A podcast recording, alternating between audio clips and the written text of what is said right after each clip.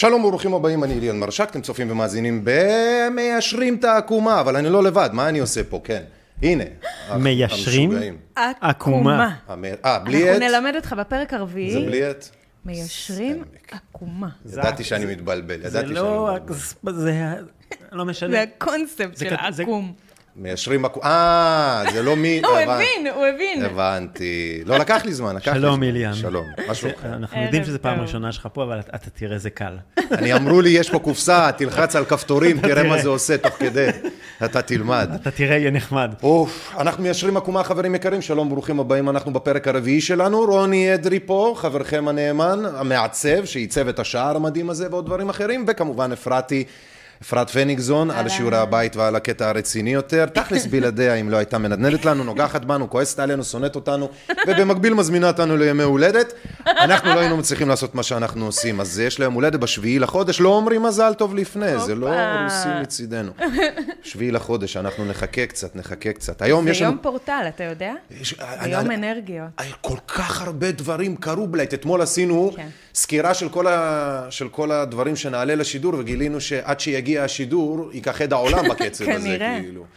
שרה נתניהו מסכנה לא הצליחה להסתפר אתמול, העולם חרב, היינו צריכים לעצור הכל לרגע, לחשב מסלול מחדש, כי לשרה היה קשה להסתפר אתמול. תעזבו רכבות, תעזבו רצף לוי ו- ו- ו- וחיסונים וחזי לוי, רצף לוי, חזי לוי, זה מעניין. הם יהיו פה גם, שניהם כאילו ב- באוזניים שלנו עוד מעט. אה, אוקראינה ו... רגע, שנייה, אנחנו עשינו לזה הרי את ה... איך אתה קופץ... מאירוע כל כך חשוב תספורת. ומהותי, שנה למלחמה כמו באוקראינה. התספורת של מחירי שרה הגז, לאוקראינה. איך? מחירי הגז והחשמל ויוקר. המחיה. כן. ציקלון בניו זילנד מזכיר לנו את חשיבות המזומן. זה אפרתי כתבה, אני פשוט אה, מקריא. החקלאים בהולנד... אין לי קשר ל... אין לי קשר למה נעשה פה.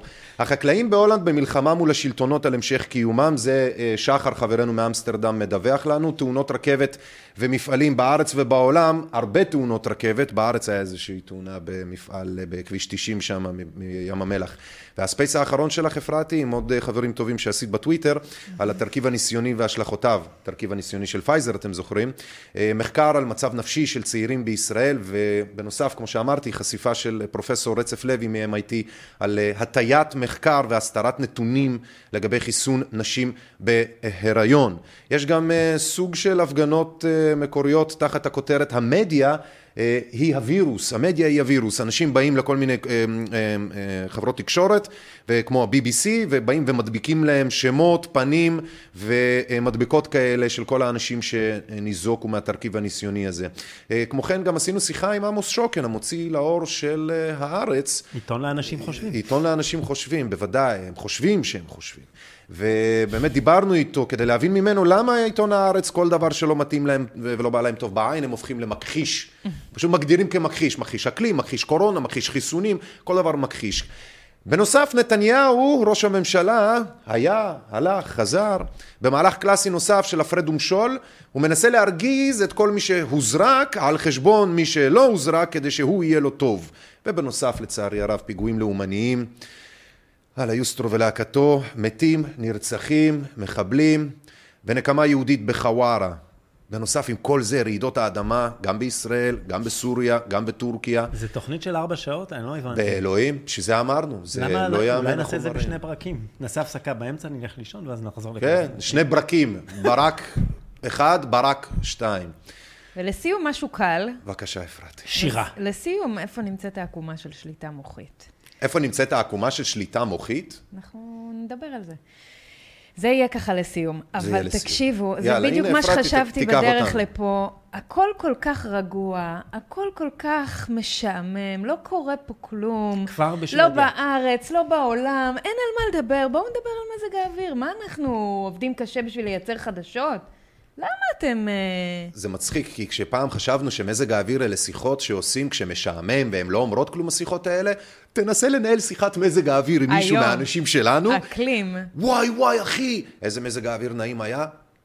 מה נעים, זה מהונדס, יא מטומטם, אתה לא מבין, זה קלאוס שוואב, יושב עם ה HAARP ים, עם האלה, מדליק כפתורים, אנטנות, זה הילדים שם, הפדופילים, עם-. טראמפ ואפשטיין. זה ריסוסים, כל השמיים ממוסכים. וואי, ברור, וואי, ברור. וואי, לך תדבר על מזג האוויר. אפרתי, אל דברי איתנו על טוב, מזג אז האוויר. בואו נתחיל. משהו יותר קליל ממזג האוויר, אני יש? רוצה להתחיל רגע עם כמה הודעות ממש חשובות. בבקשה.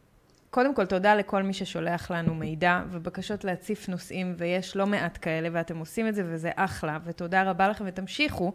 אם אתם שולחים, תשלחו לנו גם את המקורות שלכם, אבל לצערנו לא נוכל לכסות את הכל. בסדר? כי, כי יש לנו רק שעתיים כל שבועיים, ואנחנו מנסים באמת לקחת את הדברים הכי מדליקים, או הכי מעניינים, או מה שאנחנו חושבים שהוא חשוב, ולא מה שמנסים להסיח את דעתכם איתו. אמת. אה, והדבר השני, אני רוצה לתת איזשהו shout-out לכל העוקבים שלנו. לדוגמה, אמרו לי, פנו אליי כמה חבר'ה לפני השידור היום, ואמרו לי שהם הולכים להיות איתנו ב live ולהקשיב. איתי זלאיט, מכירים את הפסל הנהדר שהיה איתנו בבלפור? איתי. איתי. זלאיט, כן.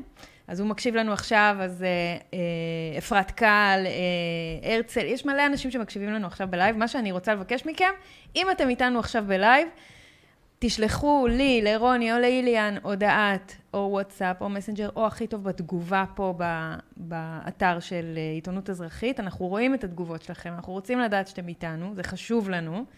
וכמובן תשאלו שאלות תוך כדי הפרק, ואנחנו נשתדל אה, להתייחס אליהם. אמת. אבל הכי הרבה אני רוצה לבקש, בואו נפיץ את השידור הזה, כי הרבה אנשים מקסימים אומרים לי, זה לא פייר שרק אה, מאות אנשים צופים ב live, ואחר כך עוד אלפים. אז אני רוצה להגיד משהו לגבי זה. לא אני יודעת. שחלקכם מבואסים שהמספרים שלנו לא גבוהים יותר. אז קודם כל אתם יכולים לעזור בזה שאתם תפיצו, ודבר שני, אה, זה בסדר, כאילו, מה שצריך לקרות יקרה. אני מאוד מאמינה שמי שצריך להגיע למידע שאנחנו מפיצים החוצה, יגיע אליו, גם אם זה ייקח קצת זמן. ויכול להיות שיצפו בזה בדיליי וזה גם בסדר, אז אנחנו לא מנסים לדחוף את המידע הזה עם כפית לפה לאף אחד. מי שמוכן ובשל, וזה התזמון בשבילו ויש לו את הקשב, הוא ישמע את מה שיש לנו להגיד. ואם אתם מוצאים שיש מישהו מהחברים, מהמשפחה שלכם, שעכשיו מוכנים לשמוע משהו ממה שאמרנו, תיקחו ותשלחו להם את הקטע הזה. אבל לא בכוח, וזה בסדר שהמספרים עוד קטנים ולאט לאט זה יגדל, אנחנו עם אמונה ועם סבלנות. אמת. והדבר האחרון, מה בבקשה... קטנים? מה קטנים? אני לא מבין לא, על מה כן, אתם מדברים. דיברנו על 5,000-6,000 צפיות מה זה- לפרקים זה הראשונים שלנו, מטורף. שזה הרבה, זה נכון. מטורף. אבל, אז אתה יודע, יש זה אנשים שכל מטורף. כך אוהבים כנראה את מה שאנחנו עושים, שהם אומרים, איך זה לא מגיע לעשרות אלפים, זה כל כך חשוב, לא וזה. לעוס היטב, לא, לא, לא. וזה מוגש היטב, כי אז למה אתם זה לא תרצו נמצא שם? טלפרומפטר ו- ו- ו- ותקציבים. שנתלבש יפה לא, לא, וזה. ככה. אוקיי, והדבר האחרון זה בבקשה, אה, עיתונות אזרחית, זה Mm. גוף עצמאי, אז תרומות. אתה רוצה לומר על זה משהו? אני, תראו, אה, אה, תודה על ה- על הפרגון. אני חושב שאנחנו בתוך שמונה שבועות עוזבים פה. יש לנו את האולפן, כי פשוט בגלל שזה חוזה וזה אין מה לעשות, לחוזים יש התחלה, יש אמצע ויש סוף, אז אנחנו כבר לקראת הסוף. אנחנו צריכים את העזרה של מי מכם לקראת מה שאנחנו הולכים אליו, אז אם לא יהיה תרומות, אם לא תהיה תמיכה, אנחנו נהיה במצב על הפנים אחר כך. מה שנעשה עכשיו יקבע את מה שיהיה אחר כך, ואני מאוד מקווה שאתם אה, משתפים, אתם עוקבים, ובהזדמנות זאת גם אני רוצה להגיד תודה באמת לכל התומכים המעטים והמדהימים שיש לנו. החודש הזה סגרנו אותו במין ממוצע כזה של חמש אלף שקלים, שזה מצוין, זה נחמד. אנחנו צריכים הרבה יותר כדי באמת אה, לפרוח. זהו, אנחנו לא נתעכב על זה, הבנתם. את הפואנטה. כן. אה, אני כל שבוע משקיע בשוקולדים, ואני באמת... אתה כל. כל, כל שבוע, הוא משקיע בפרסומת לשוקולד של חברה אחרת. זה שוויצרית? זה לא- זה לא, אני לא יכול להגיד? לך, אבל מה שאני רוצה להגיד. לך, הם. משלמים לך, יאללה. רוני? מה שאני רוצה את להגיד... האמת, כן, יש לך ניגוד עניינים? כן, כן. אין. פה ניגוד עניינים, הם לא משלמים לי. מה שאני רוצה להגיד זה שכאילו, אני לא אוכל כל שבוע להביא לכם שוקולדים שוקולד. ככה בלי סוף. אז תתרמו כדי שנוכל לקנות שוקולד טוב. באמת. זה נכון, או שתשלחו לנו שוקולדים, זה גם עובד. והבאנו גם בפלות היום. הבאנו. גם באפלות, אם אתם שומעים, זה אני. אני רוצה ש... אני רוצה שאפרתי תיקח אותנו כבר לתחילת. העניינים, כי יש לנו עוד הרבה מאוד על מה לדבר, אתם ראיתם את Let's go. הכמות של הנושאים, אנחנו צריכים לכסות אותם, אז כן, יאללה, אנחנו אתה נכנסים. רוצה להראות להם. את הבורד היפה שלנו? כן. יש שם מלא חומרים ואפשר זה- להתחיל משם. זה רוני התחיל, מה שנקרא. ה- איך זה נקרא? אמ, מירו. מירו, תודה רבה. זה כלי נחמד. זה זה כלי שמעצבים משתמשים בו, למדתי אותו מהסטודנטים שלי דרך אגב, זה כלי מעולה אה, לסדר לסדר אה, ככה, אה, כמו בורד. ממש בורד רעיוני, ואתם יכולים אה, לשים עליו לינקים, כתבות והכל, נכון. ומן הסתם אפשר שם לשחק, וכל לינק הוא, אפשר להקליק ולראות את הכתבה. אני אז- ממליץ בחום. אז אתם רואים פה, את- באמת שמנו את כל הדברים הרלוונטיים פה על הלוח הזה. אה, אפרתי, בואי תתחילי, תקחי אותנו. אוקיי, אז אה, רוני שיתף אותנו פה בכל, בסקירה קצרה של הדברים שקרו השבוע, אה, או בשבועיים האחרונים. כולכם שמעתם על ההפגנות אה, על הדמוקרטיה, שהפכו להיות אלימות, והיו פצועים, והיו שוטרים שהתנהגו באלימות. וואו, לנו- זה תלש לנו- לו את האוזן אחר כן, הזה, אה? לנו זה לא, זה רימון. כן. רימון הלם שתלש לו את האוזן. כן, לנו זה לא וואו. חדש. אני לא יודעת מי זה הבחור הזה. לא, זה, זה.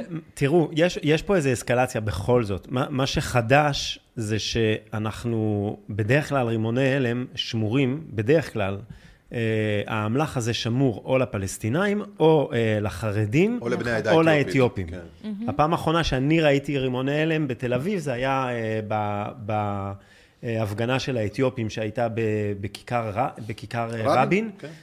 מה שהלך שם. אבל לא זכרתי ולא ראיתי זריקת רימוני הלם בכזאת נונשל, נונשלנטיות. לגמרי, הוא לא יודע אם פתח ראיתם את זה התמונה. ו- הקצין הזה שליד, הקצין מנהל את תראו, האירוע, הוא- רואים שהוא, רואים שהוא ניהל הרבה אירועים כאלה, הוא, הוא מקדם את הכוחות, הוא צועק עליהם, אם, אתם יכולים לראות את האיש עם, ה, עם הרמקול על הגב, הוא מקדם את האירוע, ותוך כדי במין נושלנטיות זורק את האמל"ח הזה, שבאמת, הדבר האחרון שאתה רוצה לעשות זה לזרוק אותו לתוך המון, ש... א', הוא לא אלים, הוא גם לא... אין לו מושג מה הולך לקרות. לא. רימוני הלם, כשמתפוצצים קרוב לאנשים, זה, זה יכול להרוג. ו, ויש לנו פה באמת, באמת בן אדם שאיבד אוזן. כן, אז זה מה שאתם רואים פה. אז מצד שמאל רואים את הבחור עם הרמקול, נותן רימון הלם לקצין מימין, ואז באמצע הצילום את הפנים של אותו הקצין, ואז מימין אפשר לראות את אחד האנשים שאוזנו נתלשה למעשה כמעט לחלוטין, בגלל אותו רימון ההלם שאותו הקצין זרק. ו... ושוב, הדיסוננס באמת המטורף בין התגובה של הממשלה, כי אני מבין שהמשטרה, היא בסוף עושה מה שהממשלה אומרת לה. התגובה ה- המאוד דיפרנציאלית. אנחנו רואים אירוע אה, שמתפתח ב- אה, בחווארה, שבו יש בסופו של אירוע כפר שרוף ואפס עצורים. אפס. ופה באמת, בצהרי היום, אנשים עם הילדים שלהם כאילו מוחים מחאה לגיטימית. צריך לזכור שכאילו לאזרחים בישראל עדיין מותר למחות, אמת. ופאקינג כאילו רימוני הלם ועצורים וזינזנות ופרשים ויאללה. מבחינתי זו הזדמנות נהדרת לכל אותם אנשים שנמצאים עכשיו ברחובות ומפגינים, אה, להסתכל על מה שקורה ועל הדיסוננס שרוני כרגע תיאר בין חווארה לבין, ה... לבין תל אביב עם אה, רימונים, וללא עצורים בחווארה, ולשאול את עצמכם, האם זה ייתכן? שהמדינה שלי מתנהגת אליי ככה, האם זה ייתכן שהמשטרה מתנהגת אליי ככה? האם יש לכם פה לקח או שיעור ללמוד לגבי המערכות שאתם כרגע מנסים להציל? אתם אומרים שאתם רוצים להציל את המערכת המשפטית, או להציל את הדמוקרטיה, אבל שימו לב איך הדבר הזה מנוהל ואיך הוא מתנהג. אנשים היו בהלם השבוע, ברור. קראתי הרבה תגובות, בגלל זה ברור. לקחתי את שתי התמונות האלה. יש אנשים לי, היו בהלם מה- הלב שלי מהמש- נשבר עליהם, ברור. ברור שהלב נשבר, כי אתה רואה אזרח שיוצא באמת למחאה לגיטימית. כן. והוא חוזר הביתה בלי אוזן, זה, זה. פשוט פסיכי.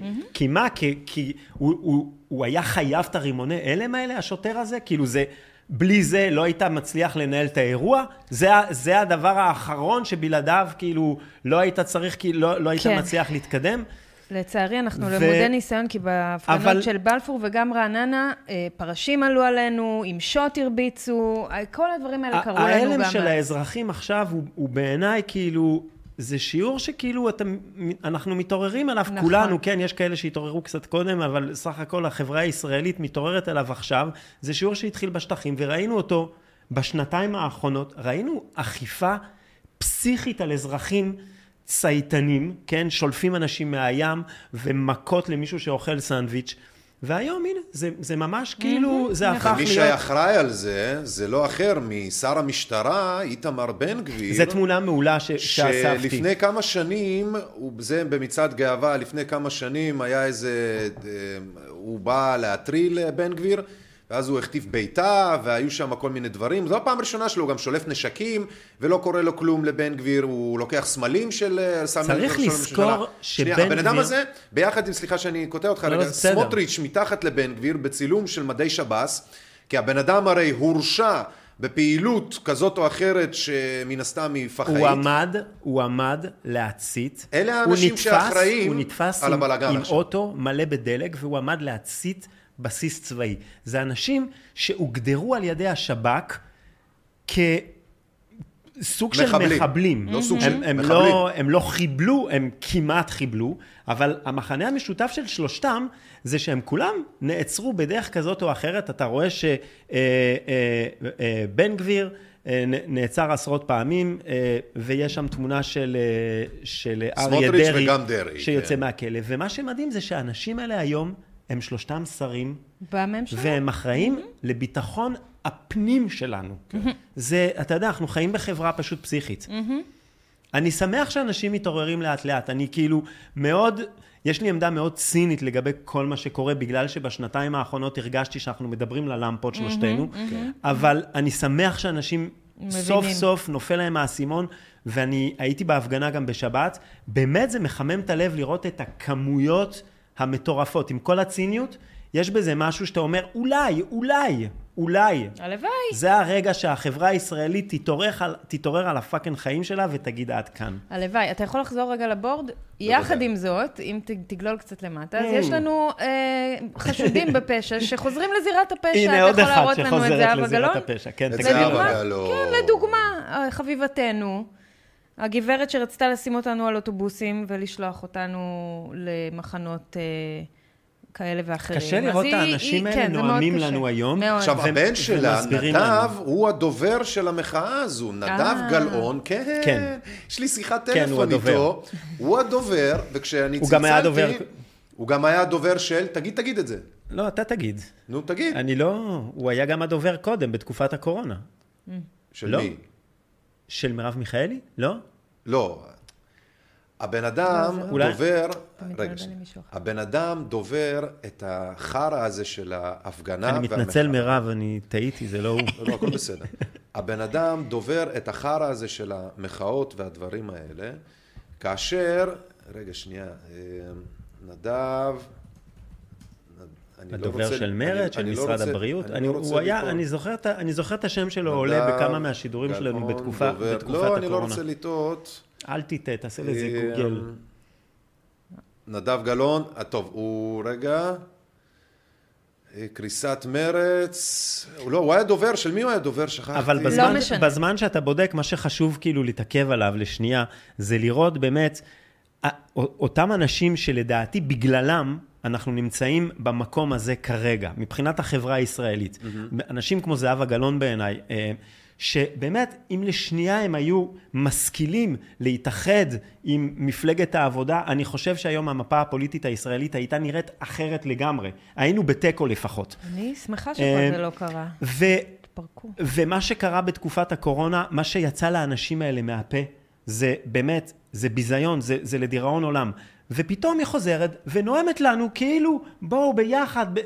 את לא יכולה, אחותי, אנחנו לא מפגרים, יש לנו אינטרנט, אנחנו יכולים בכל רגע נתון להיזכר במה אמרת לפני שנה, את צריכה לרדת מהבמה ולפנות את הכיסא. את שרופה, את שרופה. לגמרי. אה, Crime Minister, נזכרתי, הדובר של ה Crime Minister. אוקיי. ועכשיו, למה זה מעניין?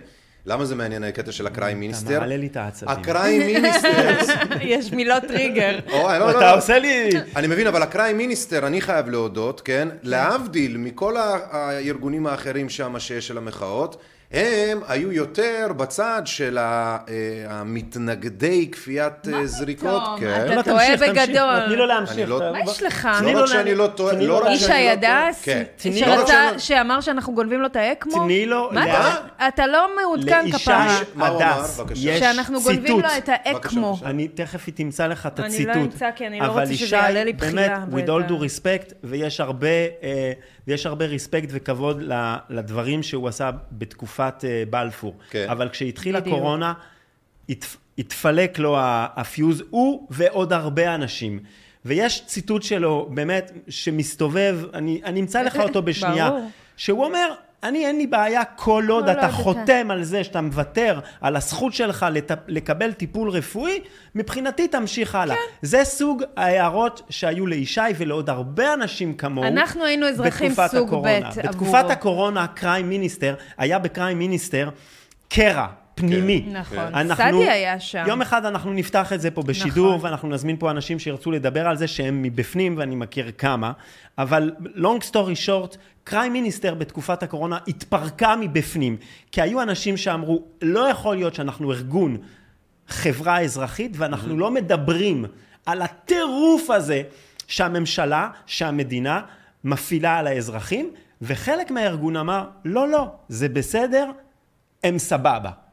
ובצד הזה של הם בסדר, הם סבבה, ישב ידידך וידידי. לשעבר, שבאמת, אני מאוד מעריך אותך, ישי, ואני אשמח יום אחד לשמוע איזה סוג, איזשהו סוג של התנצלות על השנתיים הנורא, הנוראיות האלה, כי. יצאת, יצאת פיתה בתקופה הזאת. נכון. אני דווקא... אני יכול להבין, אני יכול להבין למה בן אדם בגיל מסוים, מבוגר, מפחד על התחת, אבל בתור מנהל של ארגון חברתי, אתה לא יכול להתנהג ככה. אני, אני, אני מבין מה אתה אומר, אני לא מצאתי באינטרנט לא את מה נורא, שאתם אנחנו אומרים. נראה לך אחר כך, אילן, אני- סמוך עלינו, זה משהו- קיים. אני- אתה סומך עליי שאני לא מדבר וגם סתם? עליי, כפרה. אה, אני, אני רואה את הציטוט שאתם אומרים עליו, אין, זה, אה, זה לא נכתב על ידי אה, זה כן, מיניסטר. אז אתה, אז על ידי ישי הדס, אחר כך, איליאן. בוא נמשיך, בוא אוקיי, נתקדם. תודה. אוקיי. יאללה. לא כי אני בא להגן על מישהו, אני רק אומר שאני אז- אני אז חושב אנחנו שמבין כל יודעים שאר על מה אנחנו הארגונים מדברים, היינו זה. זה שם, לא נכתב לצערנו, על ידי זה- קריים מיניסטר, זה נכתב מבין. על ידי ישי. שהוא הבוס של קריים מיניסטר. אבל אתה היית דווקא מאוד נחמד. אתה אמרת, די, רוני, מאוד נחמד. אתה אמרת שזה בסך הכל, אה, אתה היית מאוד אדיב אליהם.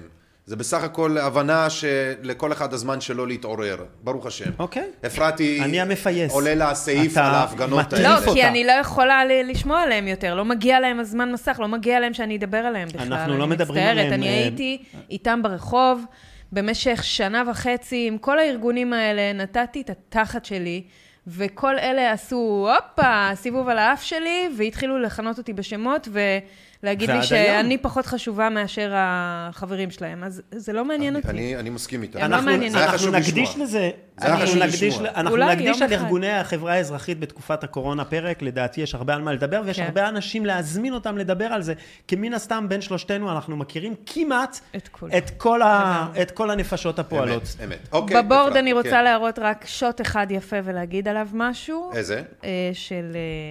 של ידידנו וידידתנו, זה? הרומנטי, כן. זה בית הקלפים. חבר'ה, מה שאני רוצה להגיד על הסצנה הזאתי, שהיא לקוחה מתוך. בית זה הקלפים. עשו לא, פה רגע, הומאז'. נסביר. אה, למטה אתם רואים סצנה מתוך המשחק, אה, המשחק, אני אומרת, הסדרה, בית הקלפים, שהוא משחק. נכון. סדרת מופת. כן, ולמעלה, שהוא בעצם אה, נשיא ארצות הברית וזו אשתו, ופה אתם רואים את אה, ביבס ורעייתו. ובסדרה הזאת הם באמת, לא, אבל צריך הם להסביר. באמת שני פסיכופטים נכון. שכל הזמן מהנדסים את המציאות. ונתלים אחד על רגע, השני. אבל אתם כאילו יוצאים מתוך נקודת הנחה שאנשים מבינים במה מדובר פה. אתמול שרה נכנסה למספרה, לקח לה זמן לחלץ שלא- אותה, עד שהיא הגיעה הביתה בבלת והמייט, אז ביבי מצטלם עם אשתו ואומר איזה מזל שהגעת, חזרת, אוהב אותה בבלת. ואפרתי מסיבת אז תשומת אנחנו, ליבנו. שבעצם זה לגמרי בית הקלפים, כמו שאתם יכולים לראות. לגמרי, אני רק רוצה לומר שכל הסיפור הזה של הלינץ' והאמו ואיפה היא מסתפרת, וזה לא לינץ'. מעניין אותי, בגלל שפה, עוד פעם, יש שיעור חשוב לכולנו. אל תסתכלו על הקנקן, שזה איפה שמנסים להסיח את דעתכם, אלא על מה שאין בו. אין בזה כלום. תעברו הלאה, ותסתכלו על הנושאים החשובים שאנחנו נמשיך על לדבר מה עליהם. שאין בו. אין בו הורדת נמשיך- מחירים, זה בדיוק, בטוח. נמשיך אין לדבר על מה שחשוב בתוכנית הזאת. אבל חייבים. להתייחס לא לזה.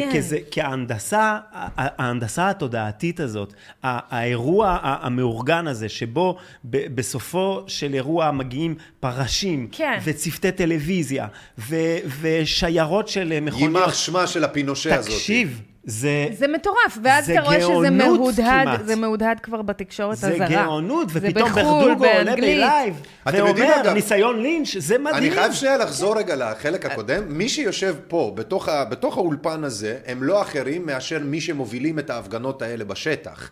הם לא מוזרקים, אף אחד מהם. אף אחד מהם לא מוזרק. על מה אתה מדבר? מה לא הוא אמר? הבנתי. רגע, לא הבנתי. אתם עכשיו דיברנו על שרה, נכון? על האירוע? כן, כן. כן. ואז אנחנו חוזרים עוד פעם הרי להפגנות של החבר'ה האלה, הרי בתכלס, כי זה מה לא. שקרה אתמול עם שרה וזה, לא. זה כן. אותם האנשים, אוקיי. בסדר? אוקיי. עכשיו אני אומר, אנחנו כאילו כועסים עליהם, ואז אנחנו, שנייה, אני בראש שלי חוזר רגע לקלאש הזה בין המפגינים שמחרבנים עלינו, שאנחנו לא מוזרקים, לבינם שהם יעני יותר טובים מאיתנו, אבל מצד שני כשאני חושב על זה, מי שמוביל את ההפגנות האלה, אף אחד מהם לא מוזרק. והוא יושב פה אצלי, תחת צחוקים, משחקים, עניינים, כאילו, איזה כיף. זה רק ככה שתבינו, כן? רק ככה אני, שתבינו. אני לא הבנתי. גם אני לא מה לא. הבנתי? לא הבנתי מי מי האנשים. שיושבים פה? מי אני לא אלה? רוצה להגיד. אה, אז נו, אז ברור מה? שאני לא אגיד לכם את אני השמות. מה, נדפקתם? אוקיי, הרי רועי נוימן מוזרק, מושתן, נכון?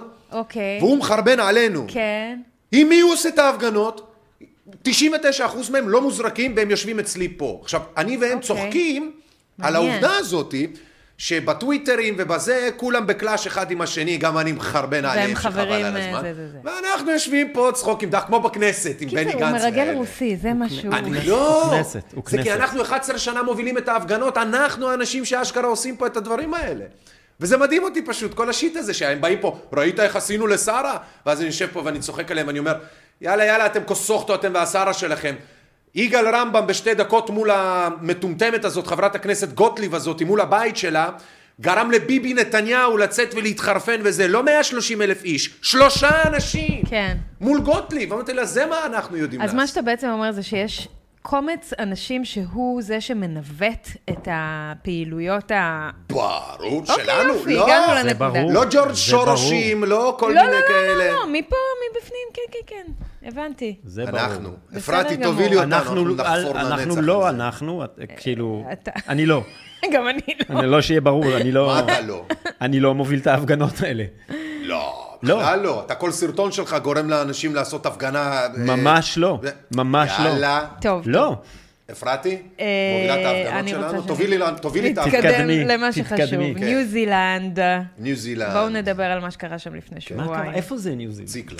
ציקלון. ניו זילנד, חברים, אה, אחת המדינות שהייתה מאוד קשוחה בתקופת הקורונה, והנה הגיע עליה איזה גל. שאגב, את אומרת ניו זילנד, אני ככה... אה, אני- ת- תגידי לי איפה להביא את החומר.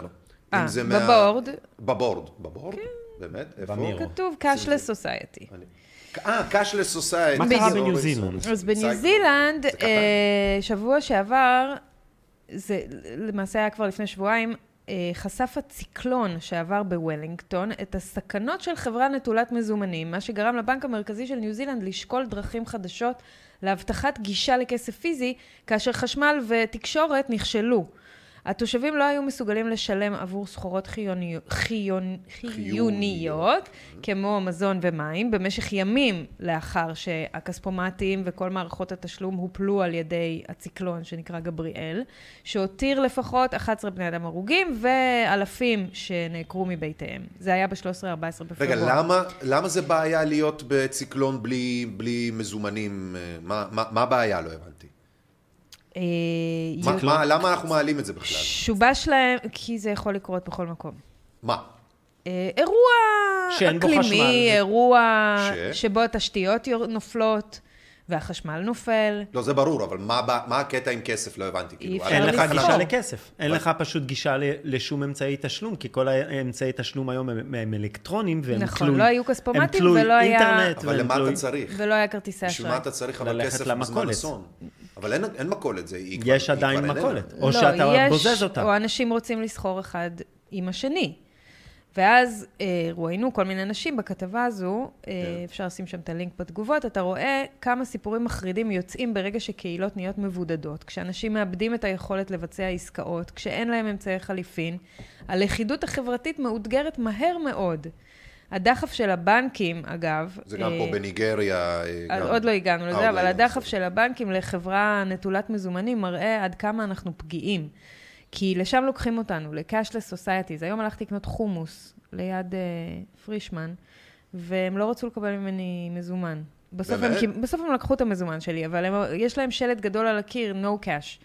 אמרתי להם, למה? הם אמרו לי, זה? כי זה קדמה וזה נוחות. זה קדמה. מי אמר את זה? המוכרת, ואז אמרתי לה, כן, זה מילים מאוד יפות מה שאת אומרת, את גם קולטת שזה גטו דיגיטלי, אז לא, היא זה אומרת לי, קשקוש. כן, אני מאוד מסכימה איתך, וזה לא החלטה שלי, זה החלטה של הבעלים. זה אמרתי, אז אני רוצה שתיקחי את זה המזומן גם שלי. סתם קשקוש, כי אתם יודעים מה. הקטע? אנחנו חוזרים מחו"ל ואנחנו באים למוניות. כשאתה טס לחו"ל, להיות בלי מזומן, לתייר, זה אולי אפילו קצת יותר קל מלאזרח המקומי, כי אתה לא צריך להתעסק, אין לך, לך לעצמך, גם ככה הרי יורואים וכאלה וזה. אתה בא עם כרטיס אשראי, אז אתה, נוח לך לא להוציא כסף. אני לא מסכימה ו- איתך, אני ולתקתק- אוהבת כ- מזומן כשאני בחו"ל. אני, גם. אני כמעט ולא מתעסק בכלל עם מזומן, זה באמת נטו רק לחירום. אה, הכל הוא גם ככה אלקטרוני, אין לי מה לחשוב יותר מדי. נכון שעמלות סליקה וכאלה זה כאילו עולה, אבל לי כתייר מאוד נוח. מה הבעיה אבל?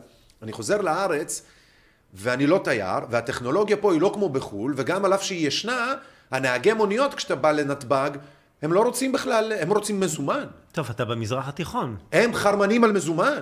בסדר. ויותר מזה, הם גם ישקרו לך שאין להם איך לקחת ממך, וזה בסדר, רק אתה מזומן. עדיין, ב, אתה עדיין בכפר, לה- לא, אתה אני- עדיין בכפר קטן. אז זהו, אז אני כאילו איפשהו מנסה לומר, זה נכון שאנחנו מתכוונים לכיוון הזה, אבל ב- באמת בישראל ובמקומות שהם לא אירופה, החורניות שלנו, ייקח לנו עוד כמה שנים ליהנות בסדר, אבל מ- אנחנו לא, אנחנו זה לא... מזומן. למזלנו, אני חושבת. זה- זה באמת למזלנו. חיים ללא מזומן הם חיים מאוד מסוכנים. זה נגמר, דיברנו על זה כמה פעמים. כן. החופש שלך להיות מסוגל להתנייד בכל מקום, להוציא שטר ולשלם על משהו בלי שיש לזה שום זכר שעברת, בדיוק, בדיוק. זה חופש. ברגע. ש... ברגע שאין את זה, נגמר המשחק. הממשלה, ה- ה- ה- ה- התאגיד שולט עליך, זהו, נגמר, it's end, זה נגמר המשחק. דיברנו על CBDC דיברנו על זה בפרק. הקודם, על המשמעות זה של אה, לתכנת אסונות, כסף. נכון, אבל מבחינת אסונות, זה אני הסכנה לא רואה קשר. הכי גדולה. לא רואה קשר. באסונות גם ביצים יהיו מטבע. אני לא חושב, כאילו, גם חלב, לחם, לא חשוב.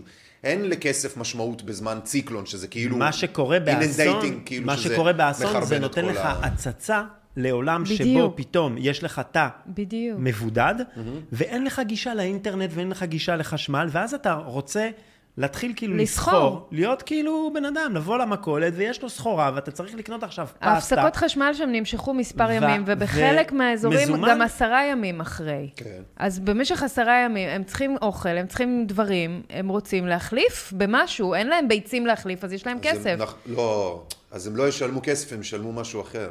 כי אין בסדר, מה כסף. זה, נו בסדר, אבל זה בדיוק העניין. אז זה אוקיי, בדיוק העניין, הם? רוצים מזומן. לא, זה לא מה שאני אומר. אני אומר שהאנושות, ב, באסונות, בלבד באסונות בלבד, אני, אני מתקשה לראות איך משהו יפריע לאנושות מעבר למה שכבר גם ככה כשיש אסון, כן? כאילו, זה שיש כסף או אין כסף, כשיש לך עכשיו אה, אה, חולרה, לא גופות נכון, אני ברחובות ממש חולק על וכאלה. דעתך. אני גם חולקת, כי כסף זה ממש. קודם כל ארגון וזה, וזה מוסכמה בדיוק. בינינו, שאנחנו עדיין חברה, אנחנו עדיין בני אדם. הנה, קח את הדבר הזה, הדבר הזה מסמן 100 שקל. תן לי ביצים, ואתה עם הדבר הזה יכול, ואז אנחנו מאורגנים תחת בדיוק. איזשהו אני רעיון. מסכים על המערכת, ברגע שאין את זה, הקטע של האסונות פשוט ברגע לא, שאין לא, את זה- אני, שוב, אני קצת, עוד פעם, אני. קצת מתקשה לראות את, אה, ה, את ההקשר. בסדר גמור. טוב, בוא נמשיך. אז זה, כן. בניגריה גם, אה, גם כשהוציאו את המזומן, אז זה גרם לכאוס גדול. עכשיו, טוב, אה, ניגריה זה משהו אחר, כי שם באמת, כאילו, הם תלויים ב... מהאחד לשני, וכשחותכים את זה על ידי central bank, זה, זה catastrophe. אז הנה אתה רואה שגם במקומות שאתה חושב שלא תהיה בעיה, כמו ניו זילנד, כן הייתה בעיה. איזו? אוקיי?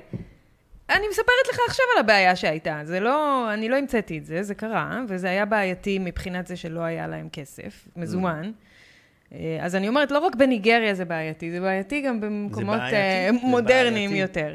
אוקיי, לעבור בקיצור. אז אפשר אה, להסתכל גם על הכתבה של ניגריה, שם אה, התוכנית הגלובליסטית לא הצליחה חד משמעית, ולדעתי, בכלל, ההתקדמות הזאת לעבר cashless society, חברה שאין בה מזומנים, היא לא תצליח. היא... אני, אני חושבת שיהיו מדינות שמאמצות ויאמצו את זה בשמחה, ויהיו מדינות שיהיה בהן קשה יותר. נורא תלוי וגם. בתרבות, בחברה, ב- באיך שאנשים מתנהלים. אני לא חושבת שבכל מקום זה יעבור חלק, וכמו שאמרנו בפרק חלק- שעבר, חלק זה, זה לא יעבור, נכון. אבל זה ייקח כמה, ש... זה ייקח זה כמה כל שנים כך טובות. נוח, שאנשים מתרגלים לזה בשנייה. אם, כן. אם זה אפשרי, כן? באפריקה אגב זה לא כרטיסי אשראי, כמו שזה נניח אס.אם.אסים והטלפון, טכנולוגיות טלפון. אוקיי. זה ידוע כאילו, שבאפריקה באמת הרבה מהתקשורת של האנשים בינם לבין עצמם וה, והשלטונות בעניינים של תשלומים וזה, הוא על ידי באמת אס.אם.אסים של תשלומים וכל מיני uh, טכנולוגיות מאוד פשוטות שכאלה. אז בגדול אפשר לומר אפילו שאפריקה ביחד עם סין, כבר מזמן בתוך ה-cashless society. לא, זה לא נכון, מה הזה. שאמרת לגבי אפריקה באופן לא? גורף, לא. הם אוקיי. הרבה משתמשים במזומן, לא, בהרבה מאוד שהם, מדינות. ברור שהם משתמשים, זה לא או-או. והם גם זה גם וגם, פשוט שבאפריקה, להבדיל ממדינות אחרות, הקיום הזה של להיות על טכנולוגיית טלפונים, שדרך דרך הטלפון אתה משלם על דברים, דרך הטלפון אתה מנהל חשבון חשמל וכאלה, זה מאוד מקובל. פה בארץ הרבה פחות, או במדינות הרבה אחרות הרבה פחות, אז אני כאילו נשמע ונראה מוזר. כי באמת באפריקה קשה להגיע ממקום למקום, ולא תמיד הכסף פיזית שאתה צריך להגיש או לשלם זה אפשרי, אז משתמשים באמת בטלפון, טכנולוגיות כאלה. טוב, אה, נתקדם כן, לדבר נתקדם. על, אה, על הטוויטר space, זה נמצא גם כן ב board למטה. הטוויטר space, כן. קורונה, כי בין לבין כל הדברים האחרים, אין מה לעשות, זה מה שמתרחש בתכלס. אז בואו נדבר קצת קורונה. אז בבקשה. אני ערכתי טוויטר spaceים, אה, עד עכשיו אה, האזינו לו 25 אלף איש, שזה מאוד נחמד. מה זה מאוד נחמד? זה המון. עלק מאוד נחמד. את אוהבת להצטנע, את, אה? זה מטורף. בטוויטר space הראשון שעשינו היו כבר כמעט 100 אלף איש, אבל בזה 25 אלף, שזה נהדר. הנושא של ה space הזה היה השלכות התרכיב הניסיוני. ההקלטה קיימת בטוויטר למי שרוצה להאזין. זו אה, ההקלטה, אנ- אנחנו, אגב, יש לי צוות מדהים של מתרגמים מתנדבים, שזו ההזדמנות להגיד להם תודה, והם מתרגמים את זה לעברית, ואנחנו הולכים אה, עוד מעט להפיץ את זה עם כתוביות בעברית. אז אתם תוכלו לשמוע הרבה מהקטעים שהיו ב space בעברית, כאילו עם תרגום בעברית. אה, אני כן רוצה, בבקשה, להשמיע את העדות של אה, דוקטור ריין קול, פתולוג. מ- אתה יכול? יש שם את הלינק, איליאן? תן לו בלינק. הפתולוג הזה מדבר על הנזקים של התרכיב הניסיוני ומה שהוא רואה בניתוחים של אה, מתים. שלאחר המוות. של, שלאחר המוות, כן. כן. כן. מה שהוא רואה בדם, מה שהוא רואה במערכות יש שם השונות, עדויות באיברים השונים. מטורפות. יש גם... יש עדויות מטורפות. אז הוא מסכם את זה מאוד יפה, אם אתה יכול להתחיל מ-25 שניות. כן, בוודאי. יש גם תרגום 25 לאלה שניות, מכם כן. שצופים, אתם יכולים לראות את התרגום. גו. אני הקשבתי לשידור חי, רק שתדעי לך. כן? אחרת, Cell. באתי. And uh, Dr. Lindley and I were recently at a conference, and I showed her some of the more recent studies. And it's concerning where we're finding it inside the cell. And these are obviously uh, mostly in deceased individuals. And uh, Dr. Burkhardt out of Germany and his group, and Dr. Moores and Dr. Schermacher and a handful of others are finding the same thing. Uh, Dr. Schermacher showed a very concerning finding. uh, I'm sorry, Dr. Burkhardt did at um, the Stockholm conference where we were, and that showed the sperm full of spike protein and the uh, gamete forming cells full of spike protein. I have a case that I just did where the heart is full of spike protein. And uh, interestingly, and I, I haven't published this one yet, but I will soon, I have uh, an adenocarcinoma of the pancreas full of spike protein, where we know it can bind to the tumor suppressor genes. Uh, my big concern is we still don't know how long the mRNA persists. And this is a big problem. We look at the studies of Dr. Roltgen out of Stanford. They proved that the mRNA was persisting in a set percentage of individuals for at least 60 days, at which point they went to publication. Now it likely persists longer. And so the long term risks of persistence of mRNA, which was actually still making spike protein in those same individuals, this is the big concern, as we just don't know when it turns off. The tissue is replete with the, the protein in a handful of individuals. They are the ones that tend to have the uh, more adverse outcomes. And so the science is clear, and the cells don't lie. I don't want to be right, but when we identify these, these are lock and lock and key patterns. This is lock and key technology that we've been using in pathology for decades upon decades. These are not new techniques.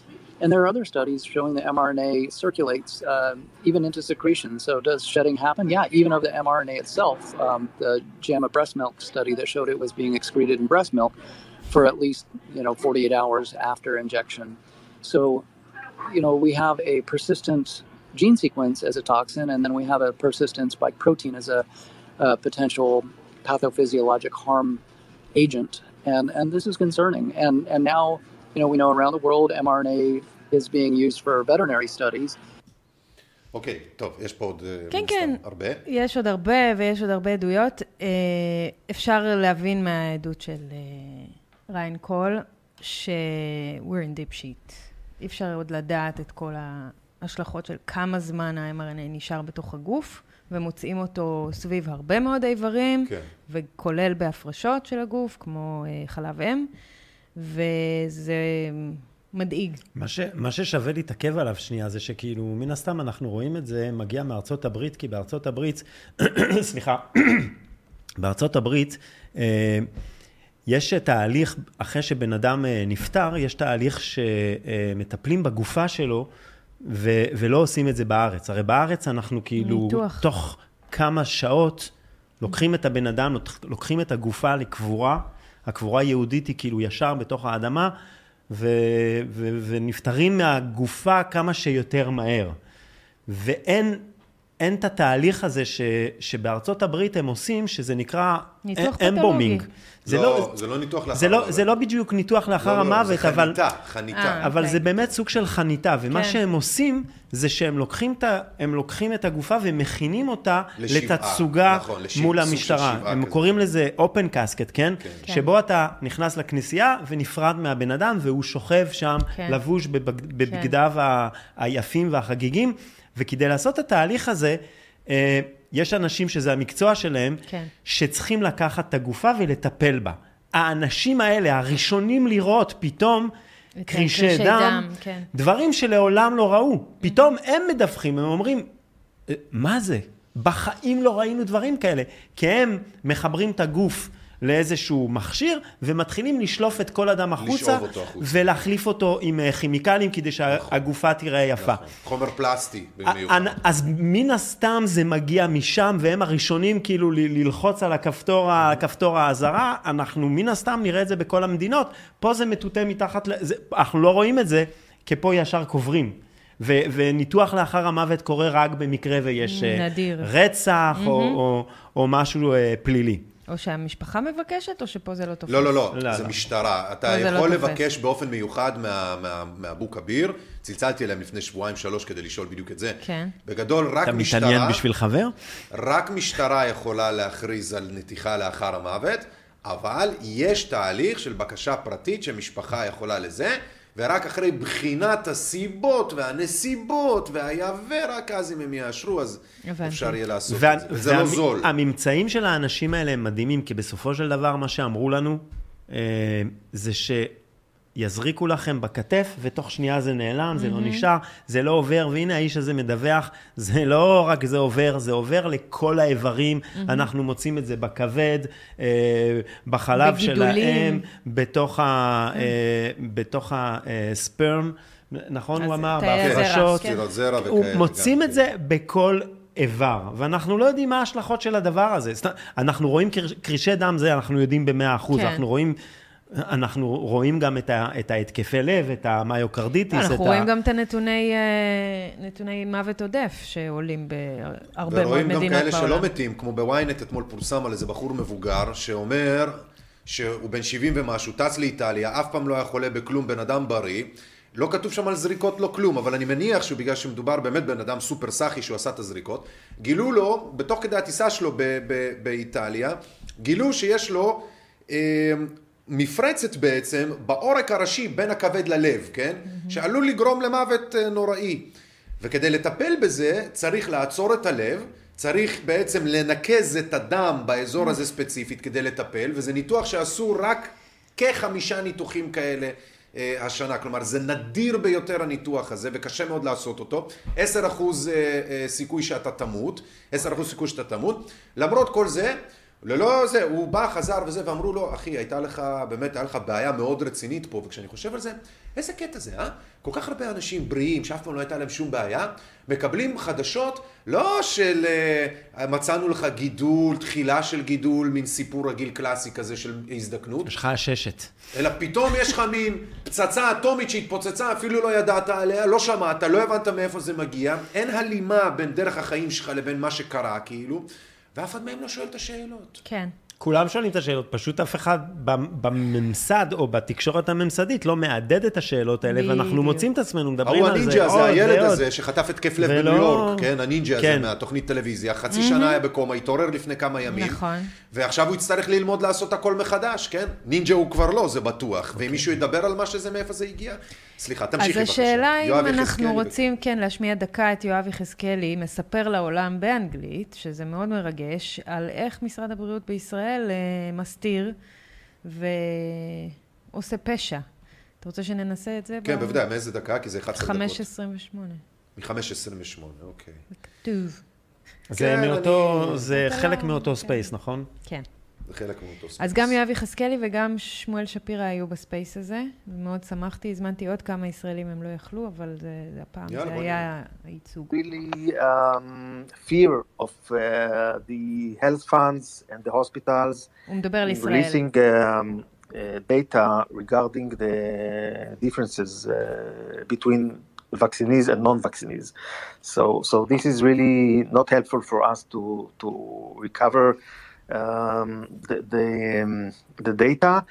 Uh, what was what was done was a research that was invited by the Ministry of Health, but as you I think well know that it was really also um, like covered up by the Ministry of Health. The the study, the research that was done by uh, Professor Berkovich uh, from Asafa Hospital, um, who found uh, long-standing um, adverse events, uh, and it was uh, presented to the Ministry of Health, but was not published later on in the medical literature, uh, nor it was uh, truthfully uh, uh, presented to, to the public.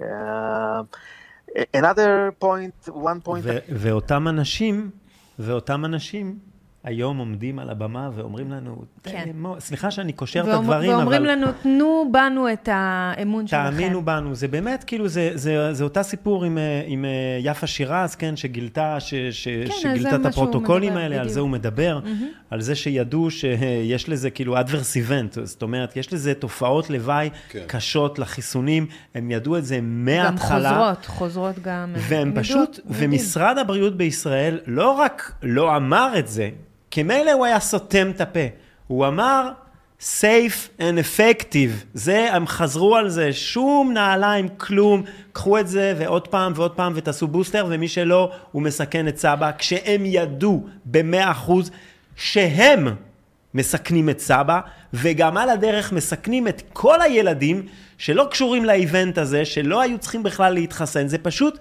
זה באמת, זה פשע ברמות שהוא כל כך גדול, וכל היום זה שרה שרה, שמרה שרה. אתה אומר, אה, בדיוק. ובאמת, בלי. בושה, אותם אנשים, שר הבריאות של מדינת ישראל בתקופה הזאת, היה ניצן הורוביץ, מרב מיכאלי כינתה כאילו בממשלה הזאת, כל האנשים האלה היו שם. היום הם עומדים על הבמה עם דגל ישראל ודמוקרטיה, fuck you, you and you, אתם חארות, אתם גנבים. איך קוראים לו? הרב, אה, הרב אה, גלעד... אה, גלעד גלעד קריב? גלעד קריב, באמת, with all due respect, עוד פעם, בן אדם שהיה אה, מפקד אה, אה, ועדת חוק חוקה ומשפט. ועדת הקורונה, בן אדם שפיקד על האירוע. איך אתה מעז לבוא לה, להפגנות ולעמוד שם ולדבר על זה? איך אתה לא קובר את עצמך? אנחנו יודעים מי אתם. זה לא כי יכול הוא להיות... מוגן, הוא מוגן על ידי התקשורת שהסתירה את כל הדבר הזה מהאנשים שנמצאים זה עכשיו בהפגנות. משגע אותי, וכל פעם אני הולך להפגנות, כי אני... כי זה לא פייר, זה הפגנה שלי. זה שלי, זה הדמוקרטיה שלי, זה המדינה שלי. ואני רואה אותם, ואני מתבאס, אני לא, אני... בהפגנה האחרונה עברה לידי הגברת הנחמדה, גלית גוטמן. היא פשוט עברה כן. עם בעלה, ואני אומר, איך זה יכול להיות? איך את באמת לא מתביישת? דיברת איתה? לא, אני לא, אני לא אוהב לעשות פדיחות ברחוב, צילמתי אותה, אבל... הוא לא אוהב לעשות פדיחה ברחוב. לא, הולך שעה, מצלם את עצמו, אומר דברים מוזרים לעצמו. אין לי בעיה למישהו לעצמו. אחר. אין לי למישהו בעיה עם לא. עצמי, אני לא... הוא לא רוצה תראה, לה- אני חשבתי על זה, זה אבל אני... הזמן, אחי, זה הזמן, אתם אני לא, בראש. אני לא... לא, לא יודע, אני, אני, אני פחות מתחבר כאילו ל, ל, ל, לקטע הזה של לתקוף אותה ברחוב, ו... ו... צריך לתקוף, אבל צריך לא להגיד... משנה, לה. לשים לה את המצלמה בפנים, זה, אני יודע שאתה עושה את זה מעולה, ו, וברק כהן כל עושה את זה אחד מדהים. והסטייל שלו. אני לא אוהב את זה, אבל באמת, זה, זה עושה לי... זה עושה לי... ברור, החמ- זה מכווץ זה את ה- מכווץ לי את הלב, כי היא עוברת לידי, ברור. והיא עומדת לידי בעצם, אנחנו עומדים שנינו, צועקים דמוקרטיה, ואני יודע במאה אחוז שהיא לפני שנייה הייתה מוכנה לדרוך לי על הראש, רק שאני לא אכנס לחנות שהבן שלה קונה בו אה, אה, סוכריות, כי אני לא מחוסן. רוני, הנה מה שאני רוצה לשאול אותך. אני מחוברת מאוד למה שקורה בהרבה מדינות בעולם, ואני רואה שבהרבה מדינות הדברים האלה מתחילים לצאת, כל השקרים וכל זה ש-safe and effective היה one big fucking bullshit. בדיוק, בדיוק. זה מתחיל לצאת, במיוחד בארצות הברית, אבל בעוד מקומות זה מתחיל לצאת. ובישראל, מבחינתי, צרצרים, דממת אלחוט, יש פה איזו קשירת קשר מטורפת בין המדיה לבין הפוליטיקאים, לבין הפארמה. כאילו מרגיש לי שפה זה בחיים לא יתפוצץ. בישראל זה לא יתפוצץ, כי בישראל. אירוע רודף אירוע. ו- בדיוק, ומצליחים ונתניהו להסיח את הדעת כל כך מלך, טוב. הוא מלך בהפרד נכון, ומשול, נכון. ובלקבור, הרי נתניהו בסופו של דבר, בוא לא נשכח, הוא חתום על העסק הזה. נכון. מי שהביא את החיסונים ראשון, מי שחתם עם פייזר והפך אותנו כאילו ל laboratory of the world, זה הוא, זה לא ניצן הורוביץ. נכון. הם אחרי זה כאילו אמרו אמן על כל מה שהוא החתים, אבל הוא הביא את זה. הוא האשם הראשון, הוא הראשון שיצטרך לשלם. ולכן הוא יעשה הכל בשביל שזה ו- לא יהיה ברור, בוא בסדר נדבר על היום. אשתי, בוא עושים- נדבר על לינץ' הלינץ'. והם, הוא אלוף בהפרד ומשול, ובאמת צודק. לעשות ספינים, זה המומחיות שלו. לכן אני לא בטוחה שזה אי פעם ולכן פה זה לא יצוף יתפוצץ. פה. זה לא יתפוצץ, אה? לא, עד שלא יפתרו זה פה. תהיה מורסה כזאת מפוצצת במוגלה, שלא תתפוצץ. לא רק שזה לא יתפוצץ, ככל שאנחנו ממשיכים לדבר על זה, אנשים מסתכלים עלינו ומרימים גבה כל כך גבוה. כן. נכון. כי הם אומרים, איך אתם עדיין מתעסקים עם הקורונה? איך? והם לא מבינים, ולפעמים קשה לי להסביר את זה. זה לא הקורונה, זה לא זה הווירוס. לא, זה זה שאנשים סביבכם מתים וששיקרו זה, להם. זה רמיסה מוחלטת בדיוק. של הדמוקרטיה. זה לא בדיוק. התחיל גם בקורונה, זה התחיל הרבה קודם, אבל הנה דוגמה, זה קרה לכם. לפני דקה. אנחנו מנסים להסביר, ולא, והנה טוב, עוד אני ספין יודעת ועוד שיש ספין. אנשים שעכשיו מקשיבים לנו ואומרים, רגע, אבל אתם אמורים לתת לנו תקווה, לא? תקווה, כן, תקווה. התקווה. קולות. תן, אמור תן. לתת לנו את התקווה. טוב, התקווה. אז היות ואנחנו לא בעניין פה של uh, סתם להיות uh, שקרנים ולא אותנטיים, אנחנו נמשיך עם דברים שמה לעשות צריך לדעת. נתפס לי הגב מעצבים. סליחה. זה לא אני את, זה אעשה אני. לך תכף לחיצות. אבל תקשיבו, אה, אנחנו נדבר רגע על המצב הנפשי של אה, אנשים בכלל וצעירים אחרי השלוש שנות קורונה האלה שעברנו, כי זה דבר שאף אחד לא מדבר עליו, והם מדברים על השטויות שהם מייצרים כל הזמן כדי להסיח את דעתכם, אבל בואו תקשיבו מה קורה לנוער. כי זה דור העתיד שלנו, וגם אם אנחנו נעוף מפה ונברח מפה, עדיין הדור הזה זה הדור שצריך להמשיך הלאה. ואנחנו חייבים להבין מה קורה איתם, ומה שקורה איתם לא נראה טוב. איליאן, אפשר אה, לבקש ממך בבקשה להסתכל על הכתבה הזו על איזו כתבה? של אה, השלכות הקורונה? השלכות הקורונה הנפשיות השלכות על הקורונה על. הנוער. כן. כן. כשאת אומרת שנעוף מפה, למה את מתכוונת? אני לא יודעת, יש לך. תוכניות? יש לי אה, חלום כן. לגדל עגבניות שרי. עלייה בדיכאון, בחרדה, בהפרעות אכילה ובאובדנות. אני חייבת. לציין, לפני שאני מתחילה לתת לכם את הפרטים, שעל הדוח הזה של המועצה לשלום הילד, שיצא לפני חודש ומשהו, רק ynet הוציאו כתבה, וחיפשתי, אוקיי? רק ynet הוציאו כתבה, שזה נחמד מאוד מצידם. גם הם לא עשו עבודה יוצאת מן הכלל בלקשר את זה לסגרים ולענייני הם הפיצו את הקורונה. הטרור, הפיצו את הפייק, הסיתו, הטרילו, בעצם הפיצו טרור במדינת ישראל, ואז איזה קל זה להיות גם אלה שכותבים אחר כך מהצד השני.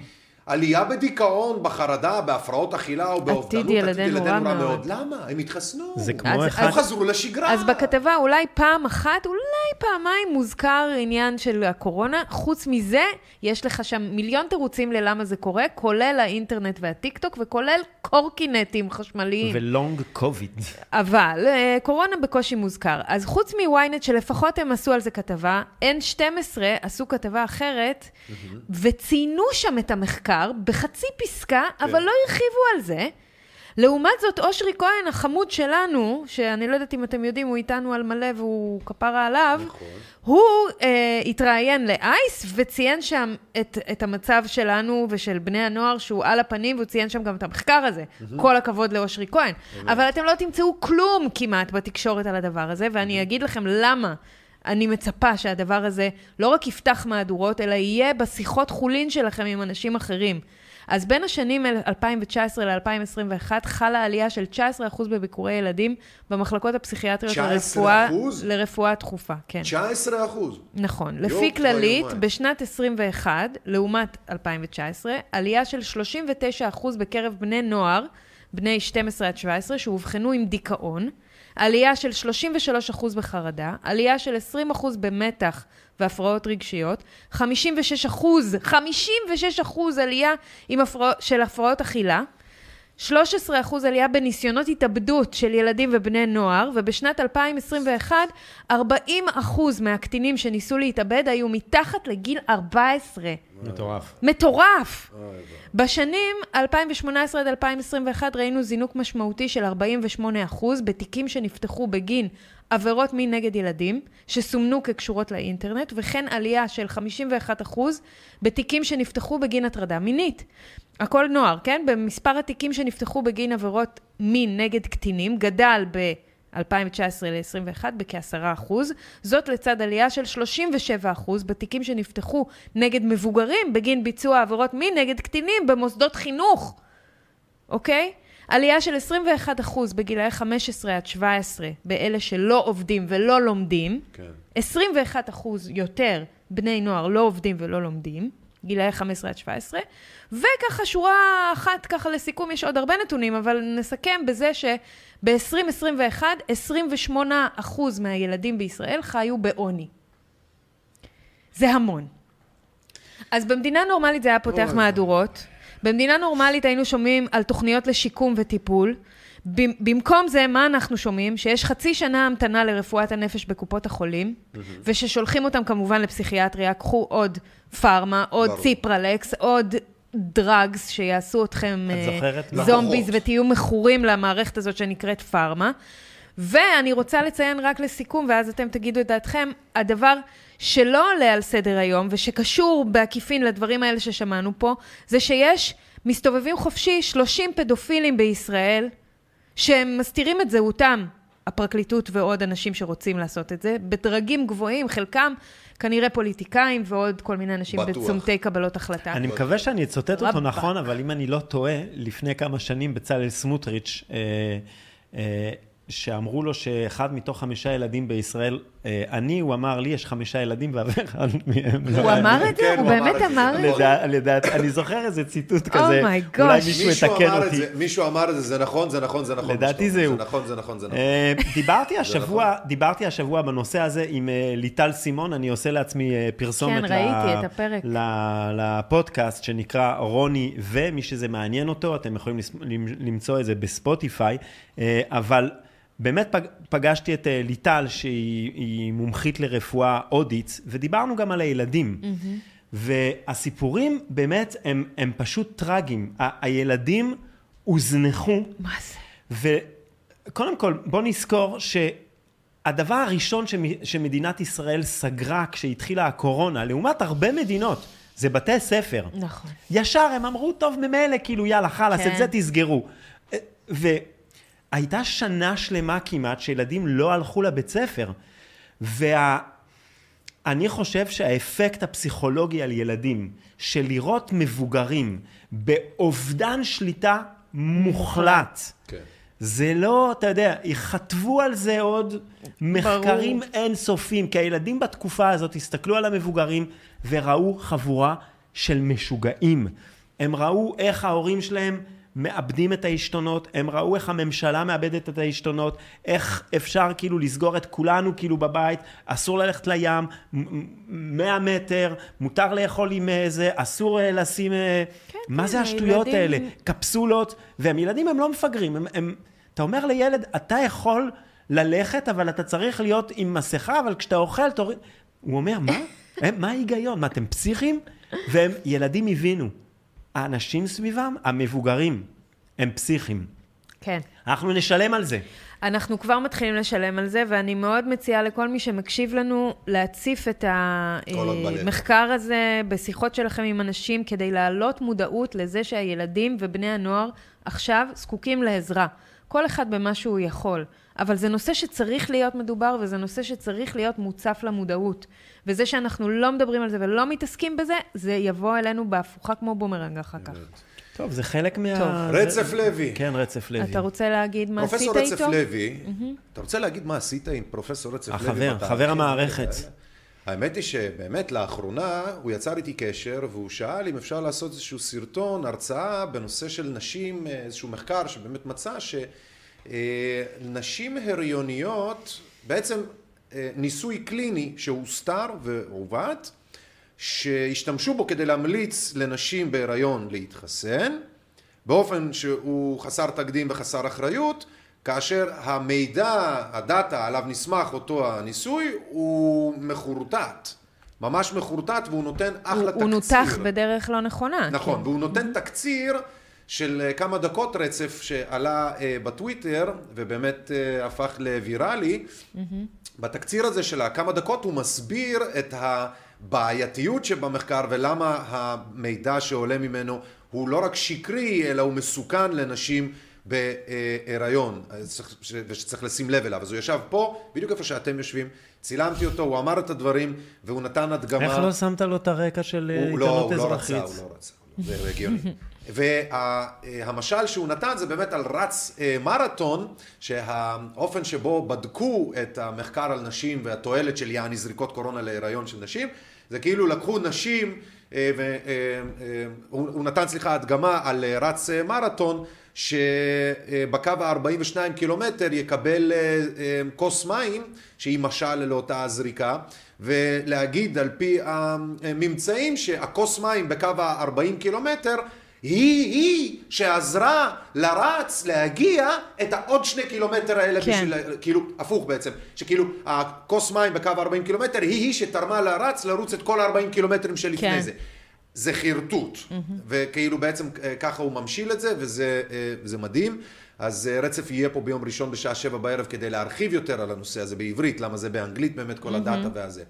הקישור, הדברים, אני אעלה אצלי לאתר, אבל יש גם בטוויטר אצלנו עיתונות אזרחית, וגם אה, אפרתי אה, שיתפה את הדבר הזה, רוני לדעתי לא משתף כלום. רוני הוא לא- רוני לא. אני משתף הכל. אתם לא... שיתפת את רצף?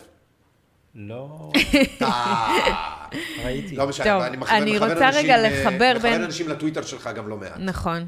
אני רוצה לחבר בין אני רק עכשיו נכנסתי לטוויטר. מעולה. בין מה שרצף עושה, שזה בעצם הוא מעלה גם כן לסדר היום ולשיח הציבורי והמודעות הציבורית, את זה שיש אנשים שנפגעים עם תופעות לוואי, כרגע פה הוא שם פוקוס על הריוניות.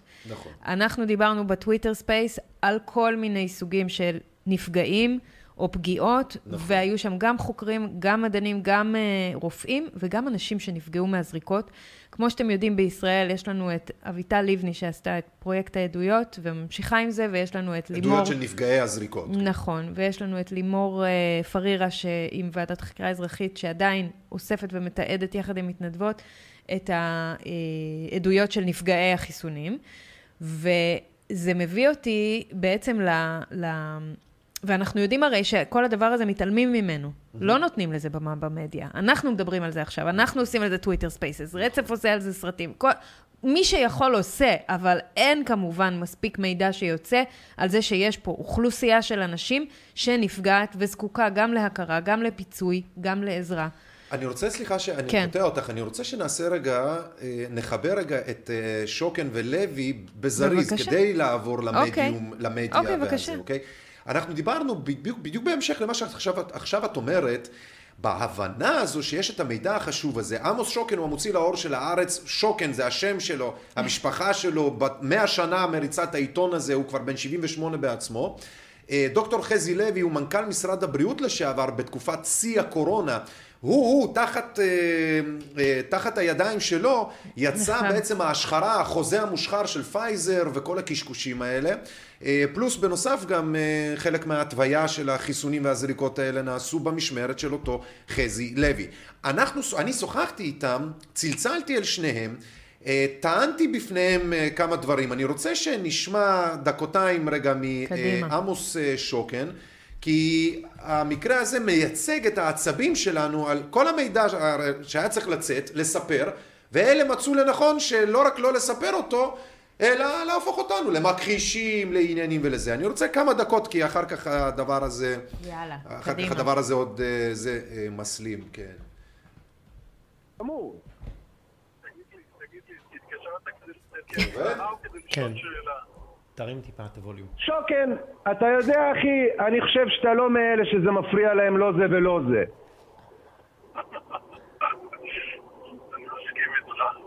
בטוח שלא מפריע לך, אתה אוהב גם ככה לעיתים ככה להשחיז לשונות באופן אה, ציוצי ולעיתים גם באופנים אחרים, אז מה אכפת לך?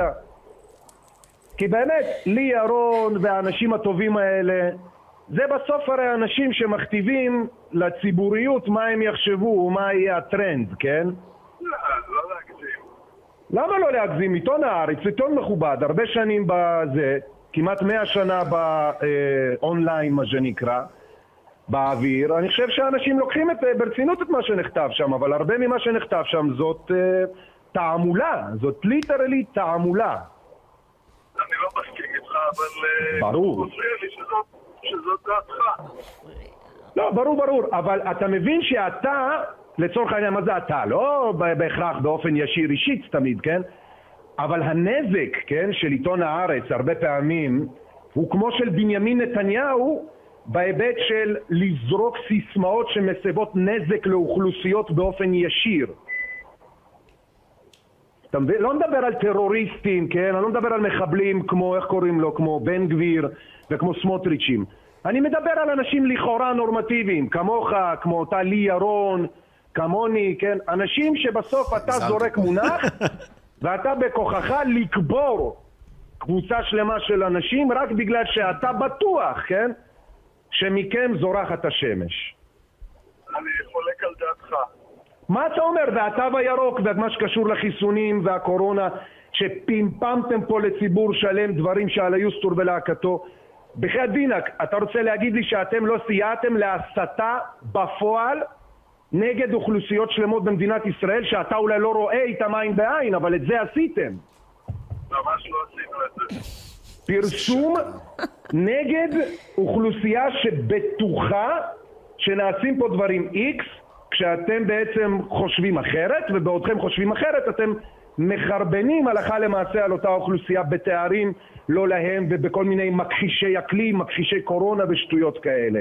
למה עיתונאי צריך להשתמש במילים כמו מכחיש במקום פשוט לעשות עיתונות? למה ההסתה חייבת לבוא בצד זה? תגיד לי. מכחיש זה לא, זה לא מילה מהמילון העברי. אתה יודע, כשבן אדם בעל דרג מצביע על מישהו ואומר משהו לא בסדר אצל המישהו הזה, כל האחרים שהם אולי קצת פחות מהדרג או מהמעמד החברתי יראו באותו הבן אדם גם על המצביע יסתכלו עליו ויגידו אה אוקיי אז הוא מצביע לנו על מישהו בוא ניתן לו בראש אתה מוריד מהערך של מה שאתה יודע שיש לך אותו, הערך הזה של להשפיע בציבוריות הישראלית. בקיצור, אני המשכתי להראות ולהסביר ולהשמיע ולהגיד לו אתה את כל עשית הדברים. עבודה נהדרת, אני חייבת להגיד. תבורכי אני ו- שמעתי את זה וזה היה לי וואו. אני הכי אהבתי שקראת לו שוקן אחי. שוקן אחי. שוקן, אח שלו. מה, הוא בסוף אמר לי, טוב, תן לי דינק." לחזור, אני רוצה להפסיק את השיחה, אני רוצה לחזור לשמוע באך. אמרתי לו, כן. תעזוב אותך מווגנר. אני שמעתי וגנר.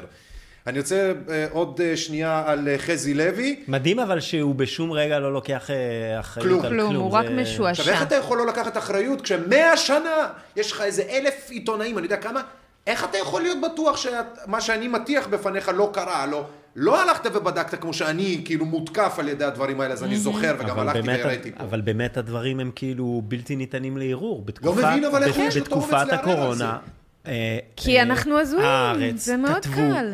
דברים מזעזעים על הלא מחוסנים. זה וואו. לא, הוא גם, שאלו אותו בתקופה מאוד ארוכה, למה אתה לא מתייחס למה שקורה, להפגנות, והוא אמר, מה יש זה לכם לא אבל? מעניין." אז זו תעמולה, זה פרופוגנדה. כשעושים פרופוגנדה, זה רק על המישור הרגשי, זה לא קשור לעובדות. זה שאתם יכולים להוכיח שאתם צודקים, זה לא מעניין אף אחד. כי עדיין יסתכלו עליך עם הגבה פה למעלה, שאתה הזוי. בוא נראה רגע את חזי לוי, כי גם- אליו צלצלתי לדרוש רגע, יש פה אה, תמונה בתשובות. של, אה, כי הוא הרי הפיץ-. הוא הפיץ טרור, הוא הפיץ פייק. והוא הפיץ שקרים עד כדי, אה, בעצם, עד כדי גרימת נזק ודאי, חד משמעי, לתושבי ישראל. חזי לוי.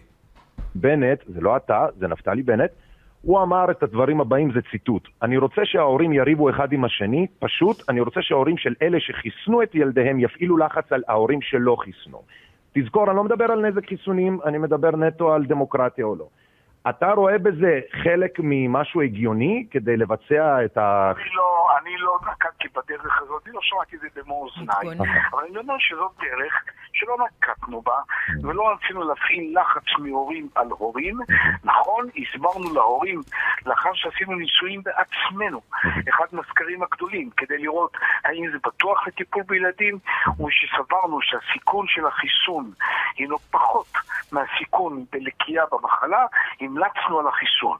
ואם תשמע אותי, תחזור את כל השידורי חדשות, חזרתי ואמרתי, אני ממליץ להורים להתחסן, כן.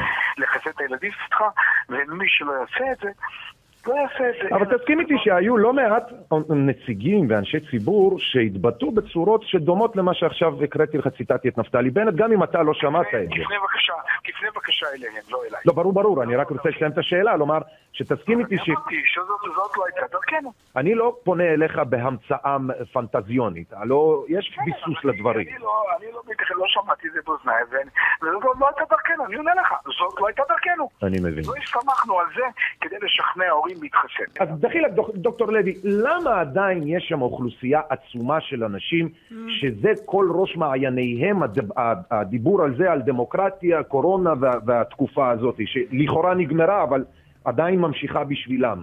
למה, אם באמת בסך הכל, כפי שאתה אומר, מדובר בעניין מדעי, פשוט, ניסינו להציל את העולם, הייתה תקופה קשה, לא הכל ידענו, היו טעויות פה ושם וזה, אבל בסך הכל הדברים די פוזיטיביים. אני, אני מנוי מהאנשים שמאמינים בחיסונים. אני לוקח חיסון נגד שפעת, אני מחסן את העובדים שלי על פי הכללים בחיסונים נגד מחלות מדבקות שלא ידבקו בעצמם ולא ידביקו ילדים. ברור. אני מאמין בחיסונים. זה לא עניין של דמוקרטיה או אריסטוקרטיה אבל זה בוודאי שכן, דוקטור לוי, כי בסוף החיסונים האלה... אבל מי שלא רצה לקחת, דוקטור לוי, מי שלא רצה לקחת את הדברים האלה, היחס שהוא קיבל היה יחס מאוד מאוד מאוד קיצוני. שלא רוצה חיסון שלא יקבל. אני מאמין בחיסונים. זה הוא מדהים. מאמין בחיסונים, כאילו מה אני הוא שואל אותו? אני שואל אותו על זה. הדיקטטורה והוא עונה לי על זה המדע. מדהים. הוא מצטנ... הוא, הוא, הוא, אני שואל אותו, למה אני צריך הוא כל כדי. לקחת זריקות, ואז הוא אומר, אני מאמין בחיסונים. ביצים שלי, מה אתה מאמין? ואני לא- שואל אותך, זה- למה אני צריך את המשטרה פה? אני לא מבין. מה שמדהים זה שהוא בעצם בשום רגע לא עונה לך ביושרה, כי הוא מבין את השאלה, אבל הוא עונה תשובה אחרת של פוליטיקאי. אני מאמין בחיסונים, אני מתחסן נגד שפעת, וואלה יופי, גם אני. לא נגד שפעת. מה הקשר אבל? מה הקשר? זה לא מה ששאלתי אותך. נכון. שאלנו אותך על החיסון הספציפי הזה, וזה לא התגובה שלו של מי שלא ירצה, שלא ייקח, אני מאמין. זה לא מה שקרה, אדוני. מי שלא רצה, הוציאו אותו מהחברה הישראלית. הכריחו את היהודים להיכנס לתאי הגזים? מי שלא רק היה רצה, לא, שהלך לא. לידם. מי שלא רצה יכל לצאת מהשורה. לא, לא אוהב את ההשוואה, אבל... עכשיו מותר לא אוהב. את לא אוהב את ההשוואה. לא אוהב את גם ההשוואה, אני לא כי... אוהב את ההשוואה. אבל לא צריך להשוות. פשוט מה שקרה פה הוא פסיכי.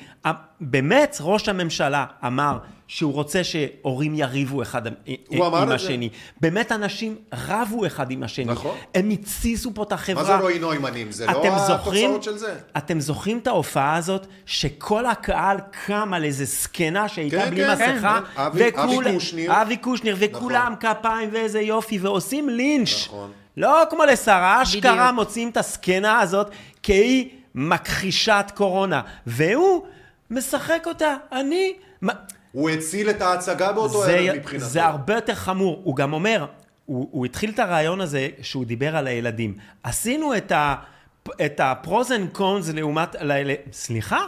סליחה, לא הבנתי. איפה המחקר הזה? נכון? לא, זה פסיכי, על מה אתה מדבר? אני רוצה לראות את המחקר שאומר לילדים שעדיף החיסון על המחלה, תביא לי אותו. אני לא ראיתי אותו ואני מחפש כבר שלוש שנים. אני, אני לעומת זאת מצאתי משהו ממש ממש ברור. ילדים לא נפגעו מקורונה ולכן בשום מקום בעולם לא היה עוד רגע כזה שחיסנו אנשים נגד מחלה שהם לא נפגעים בו. אשכרה. בטח ובטח כשהחיסון לא מונע הדבקה.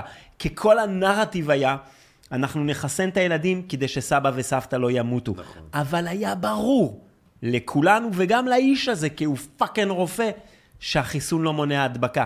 כולם נדבקו, סבא, סבתא, הוא קיבל, כולם נדבקו. הילדים הוקרבו. והוא מחרטט אותך ב"אני מאמין בסייאנס". מי שאל אותך בכלל? הפרעתי. לגמרי.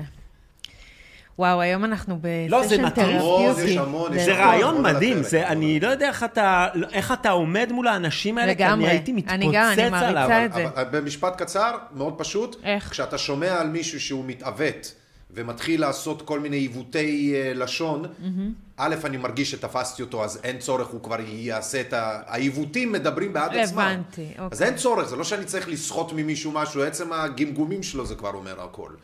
אבל כמובן, עם, אה, עם אה, שוקן, הרגשתי קצת יותר חופשי. שוקן אחי.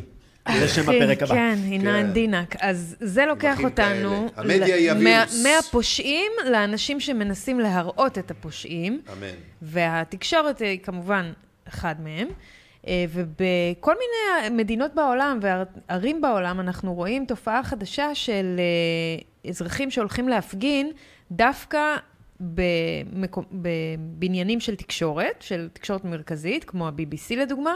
מה אה, שלפניכם פה אתם רואים, כן. זה מה שאתם רואים עכשיו, זה בלונדון, ובמנצ'סטר גם היה, וזה קומפילציה של כל מיני. הם קראו לסוג הפגנות האלה The Media is the Virus, ובבורד גם אנחנו יכולים אחר כך לראות את התקשורת ההכרזה. היא הווירוס. כן, ובואו נסתכל, בואו נציץ שנייה בווידאו השני של אה, קנדה, כי הוא גם מעניין, כי בקנדה הם שמים לא רק Post-it notes עם השמות של האנשים שנפגעו או נפטרו, אלא בקנדה הם הגדילו לעשות וממש לקחו דף לכל בן אדם עם התמונה שלו, עם הפרופיל, עם הסיפור שלו. אה, כן, בדיוק, תפעיל, יש פה וידאו? אה, לא, אתה לא בלינק הנכון. לא. בקנדה, עד שתמצאו את הלינק, בקנדה, שבוע שעבר הייתה התנצלות של כן, ג'סטין. אבל רואים את זה, בדיוק. יש לך את. ההתנצלות של אה, ז'סטין טרודו? ששאלו אותו אם... אה, על מה הוא התנצל? אה, שאלו אותו אם אתה חושב שהיית צריך כאילו אה, לפעול אחרת לגבי ה... ומה הוא אמר? הוא אמר? כן, יכול להיות שהייתי צריך להשתמש? בלשון אחר, ומיד התחיל להיכנס. בהם שוב. נו, ברור, כי הוא טמבל איזה רציני. נבלה. ממש. אז אנחנו רואים את הסוג הפגנות הזה קורה בבניין ה-CBC בטורונטו, בבניין ה-BBC בלונדון ובמנצ'סטר, בהולנד, בניין חברת החדשות NOS באמסטרדם. אז אני פשוט רוצה לומר, חבר'ה, הנה עוד רעיון. אם בא לכם, אני יודעת שחלק מכם הפגינו כבר מול התקשורת, ואין לזה הרבה הצלחות, אבל uh, זה מעניין, ש- כי אנחנו מנסים להציף את הנזק ואת הפגיעה באנשים שנפגעו מהתרכיבים האלה. Uh, האזרחים האלה כמובן דורשים ועדת חקירה הוגנת שתחקור מדוע מספר המתים המוזרקים גדל כל כך מאז תחילת הזריקות, ובין השלטים אפשר לראות עיתונות קנויה, רצח גדול, נמאס לנו מהשקרים, המדיה היא הווירוס, והמדיה שווה הפחדות. אז גם זה מתחיל לקרות בעולם, אותי זה קצת מעודד. התקשורת המיינסטרימית קורסת. ממש. פשוט קורסת, אין לה נכון. כבר... זה אם אה, רצית כן. משהו אה, חיובי, תקווה. אז, אז אפשר לדבר על זה, על איך הם מאבדים באמת מה... מה... היה להם פעם כבוד בעולם, זאת אומרת ממש. שהתחיל, ש... שרצית לדעת משהו, היית, פות... היית פותח את המהדורה של, של CNN, היית נכנס לאתר של הוושינגטון פוסט. נכון. היום שאתה רוצה לדעת משהו, אתה קודם כל מתרחק מהם, אתה אומר, אני אלך לחפש בטוויטר, אני אלך לחפש ב- בטוויטר, אני אלך לחפש אצל ג'ו רוגן, כן, אני בדיוק. אלך לחפש אצל אה, האיש הזה, ואני לעולם לא אכנס ל home page של הוושינגטון פוסט, כי הם כנראה יחרטטו אותי. כן. אגב, אנחנו לדעתי בפרקים הבאים צריכים לעשות איזה פינה על אה, AI, על בינה מלאכותית, ועל איך היא משפיעה על כל עולם העיתונות והתוכן וה fake news, או המיסאינפורמציה, דיסאינפורמציה, בגלל שבעזרת הכלים האלה של AI, מאוד מאוד קל להזין אינפורמציה שהיא שקרית בתור אמת. כי אתה תלך עכשיו לצ'אט GBT ותבקש ממנו לתת לך... כתבה. אה, כתבה על, או מאמר על, או מידע מהצד של על. מי שמנהל את ה-ChatGPT. כן, הם- הם- לא כי בדיוק. במי- כי לשנייה זה היה נשמע ממך כאילו כל בן אדם בעל יכולות אה, אה, תכנות לא, יכול לא. להיכנס ולתכנת את ה-chat GPT. לא, לא, לרצונותיו. התכוונתי לזה. שכשאתה תצרוך תוכן דרך הכלי בינה מלאכותית האלה, התוכן. הזה גם כן יהיה מסונן, מפולטר ברור. ומעוות. מה זה יהיה? הוא כבר. הוא כבר, מעוות לפי האמת. כן, תשאל משהו על נחיתת האדם על הירח, תשאל. משהו על קורונה, תשאל. משהו על אקלים, תשאל משהו על כל דבר שיש לגמרי, איזושהי או על דעה פוליטיקאי שהוא פחות אה, מאוד פופולרי. נכון. רצינית נגד, יגידו לך, הדעה הרצינית כנגד, היא לא אמיתית, היא כן, לא נכונה. המיניסטריון האמת, במילים אחרות, כן. פועל גם שם. טוב, כי המחשב מביא לך את הדעה הרווחת. זה לא המחשב. זה לא... לא, זה לא זה ה- המחשב, זה זה מה שמרגיז אותי. אנשים אבל חושבים ה-AI שה-chat GPT הזה, כן. לא, הוא לא, מה פתאום, ה-chat GPT הוא מוזן לא על ידי. אנשים. אה, הוא קיבל הוראה קוד, כן? כן. שאומרת לו, מעבר לשאלות האלה, אתה לא יודע כלום. זה לא נכון. מה אתה אומר? זה לא נכון. ה-AI ה-AI בעצם... החליט בעצמו להיות אה, awoke? כן. מה פתאום? כן, איפה אם, אתה חי? אם הדעה הרווחת שמסתובב, אתה- אם הוא מוצא המון כן. כתבות שכתוב איליאן, יש לו עיניים יפות, כן. אז הוא יתחיל כתבה באיליאן, יש לו עיניים יפות. נכון. הוא לוקח את כל הכתבות שנעשו בשנים האחרונות, בשנתיים האחרונות, על, לצורך העניין, על הקורונה, הכתבות האלה נכתבו על ידי המדיה, המיינסטרים, הוא לא הולך ומקשיב כאילו לבלוג שלך, הוא מקשיב ל- לרוב, לתוכנית הבאה, לרוב. אני אביא אנחנו מומחה נביא. AI אנחנו שיסביר לנו באמת, כי חבל להתווכח, זה כן. לא אני ולא אתה יודעים את זה אוקיי. לעומק, האם ל-AI שמים גבולות, או שהוא אה, ברור פועל על ששמים פי- גבולות בנוסף ל... אה, ברור. אבל זה גם זה וגם. זה גם וגם. ברור. אוקיי. טוב, בואו נעבור לאייטם אבל מעניין להביא מומחה. מאוד, מאוד, מאוד, יש לנו שניים מאוד מאוד מעניינים. אחד זה המעקב המוחי, הופה, עוד פעם מוחית. חברנו מהפורום הכלכלי העולמי. נכון. ואחר כך. נדבר על הרים של 15 דקות, שאנשים כבר שאלו בתגובות אם אנחנו הולכים לציין את זה, אז אנחנו כן נעשה על זה. אייטם קטן. 14 דקות. אוקיי. אז חבר'ה, זה ככה. ירד בדקה. מוכנים למעקב מוחי? כן. אוקיי. מוכנים. אז אה, איליאן, יש לך לינק שמה. נכון, מ-0.40 עד 3.20. יפה. מעקב בוועידת? דבוס האחרונה של הפורום הכלכלי העולמי התקיימה הרצאה בשם מוכנים לשקיפות מוחית, שעסקה בהבטחה של טכנולוגיית מוח. אגב, זה מהטור... שאני אנגן את זה תוך כדי, או שזה טקסט שמישהו אומר שם ונחכה? תכף? יש וידאו. הבנתי. הווידאו הוא מ-0040, מה ששמתי כן. לך, אבל זו ההרצאה, אתם כבר יכולים לראות. כבר יפה, כבר אני אה, מתרגש. ואני מספרת, אני כתבתי על זה בראשית, יצא, יוצא ביום ראשון אגב בראשית, אז אה, זה יש שם את את הטור יכולה המלא לתת שלי לי כמה על זה. מילים, אה, בוא נ- בוא נעשה, אה, בוא בוא נעשה פרסומת שנייה? לבראשית. הם יוצאים במודפס. עשינו את זה שבוע וב- שעבר, יאללה. כן, אז, אז ירחון. בראשית הופכים להיות ירחון, ומיום ראשון זה פעם בחודש, ובאתר יהיה הרבה יותר תוכן מתחדש, אוקיי. גם הם הם חדשותי. יותר מעבירים לאתר, כשהדפוס עובר במקום פעם לשבוע ומה- לפעם בחודש. ומעמיק, ברור, כן. ומעמיק הרבה יותר, בוודאי, ב- בירחון. בוודאי. אנחנו גם אוקיי. אה, אה, בשיתוף פעולה עם אה, בראשית. יש להם מוסף קולנוע? כן. שאלה טובה, אני לא יודעת, אני אסתכל. אני רוצה אז לעשות אוקיי, את אז הפורום הכלכלי. העולמי. אולי, אולי אתה צריך. אז אה, חבר'ה, אז בהרצאה הזאתי, ההרצאה הזאת מדברת על ההבטחה של טכנולוגיית מוח, נוירוטכנולוגיה, לשפר חיים ולהפיק תובנות לגבי המוח האנושי.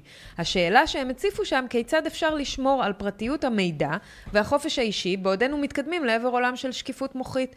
בהרצאה הציגה המומחית העתידנית ניטה פרחני, היא עתידנית שעוסקת באתיקה משפטית בעולם טכנולוגי, אה, מבית הספר למשפטים באוניברסיטת דיוק, סרטון קצר בו מתוארת עובדת במקום עבודה אשר חיישנים לבישים מודדים ומנטרים את נתוני המוח שלה והפעילות שלו. אז בואו נראה רגע את הסרטון שהיא זה אחד הציגה. הקשים. כן. שבו. אה, זה צריך עם? סאונד? כן. כן, כן, עם. סאונד, אה, בטח. הבנתי, סורי. בטח, בטח, אוקיי. אני רוצה שישמעו את הסרט. הבנתי, הבנתי. You're in the zone. Even you can't believe how productive you've been. כן. Your inbox is under control, and you're feeling sharper than you have in a decade. Sensing your joy, your playlist shifts to your favorite song, sending chills up your spine as the music begins to play. You glance at the program running in the background on your computer screen and notice a now familiar sight that appears whenever you're overloaded with pleasure your theta brainwave activity decreasing in the temporal regions of your brain. You mentally move the cursor to the left and scroll through your brain data over the past few hours. You can see your stress levels rising as the deadline to finish your memo approached, causing a peak in your beta brainwave activity right before an alert popped up, telling you to take a brain break. But what's that unusual change in your brain activity when you're asleep? It started earlier in the month. You send a text message to your doctor with a mental swipe of your cursor. Could you take a quick look at my brain data?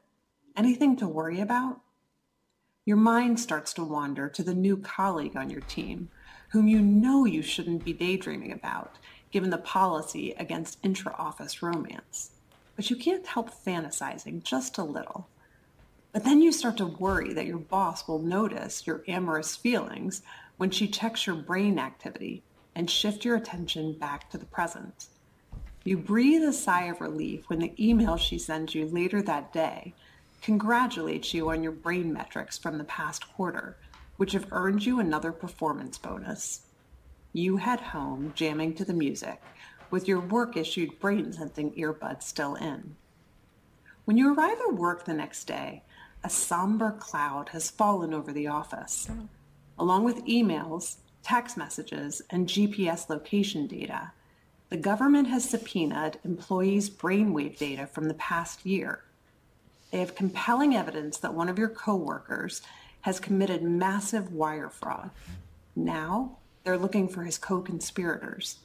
You discover they are looking for synchronized brain activity between your coworker and the people he has been working with. While you know you're innocent of any crime, you've been secretly working with him on a new startup venture. Shaking, you remove your earbuds. Okay. אוקיי, אה, ההרצאה הזו ההרצאה של חצי שעה, זה רק סרטון קצר מתוך ההרצאה, אבל אתם קולטים שמה שקורה בסרטון הדיסטופי הזה, זה שאתם עובדים בעבודה שלכם, המוח שלכם מנוטר כל הזמן, ובאיזשהו שלב גם נכנסת הממשלה כדי לעשות אודיט, לעשות uh, בקרה לשנה האחרונה לכל פעילות המוח של כל העובדים, כדי לגלות איזשהו קשר שקשר אחד העובדים שעשה פשע עם אנשים אחרים, וכולם בסטרס, אם יעלו עליהם, לא יעלו עליהם. קיצר, אלוהים ישמור ולהקתו.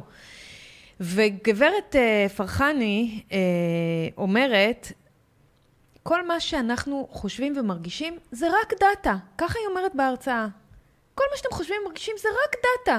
יענו, זה כבר לא נשמה, אה, זה רק data. כל פעילות מוחית יכולה להיות מנוטרת. אין צורך, היא אומרת, להחדיר צ'יפים מתחת לעור ובתוך הגוף. יש לנו טכנולוגיה לבישה. ת, הרבה אנשים, אה, אני אתעכב על זה שנייה, הרבה אנשים אומרים, בואו נשים, אה, יהיה, עוד מעט יכניסו לנו צ'יפים מתחת לעור. ואני תמיד אומרת להם, חבר'ה, לא צריך צ'יפים כשאתם מתנדבים ללבוש את הטכנולוגיה, או שאתם הולכים כל היום עם הטלפון הנייד שלכם. לא צריך את זה. הם לא צריכים לעבור לשלב הזה של התוכנית של הצ'יפים, כי הכל כבר ניתן להם על מגע של, אה, של כסף. אז, אז אין צורך, היא גם אומרת את זה. יש לנו טכנולוגיה לבישה שרבים מבני אדם מרגישים בנוח לענות, זה יחליף עכבר או מקלדת, זאת תהיה הדרך המרכזית בה ננוטר בעתיד הקרוב. היא מציגה עוד סרטון של בכירים מפייסבוק, זה נקרא פייסבוק ריאליטי לאבס, הם מחזקים את עמדתה והם אומרים שממשקים נוירולוגיים לבישים הם כמו קסם. וישמשו כאמצעי המרכזי לניטור בני אדם ולקבלת פלט נתונים על פעילותם. עתיד מרגש, אומרת פרחני, לעולם בכלל, ובמיוחד למקומות עבודה, שם כדאי להתחיל במימוש טכנולוגיות ניטור מוחיות, לדוגמה בקרב נהגי משאיות, רכבות או טייסים שגורמים להשלכות הרסניות בגלל עייפות בעבודה. הס מלהזכיר שסיבה רווחת נוספת לתאונות, כמו תאונות עבודה כאלה, כיום, עשויות להיות קשורות לאירועים לבביים כתוצאה מהזרקת תרכיב ניסיוני. את זה הם לא אומרים, הם רק אומרים שזה בגלל עייפות, כן? היא ממשיכה ושואלת, האם באותה היעילות בה נמדוד עייפות נוכל למדוד רמת פרודוקטיביות בעבודה? אז אפשר לראות רגע את דקה 12 עד 14, מעקב במקום העבודה.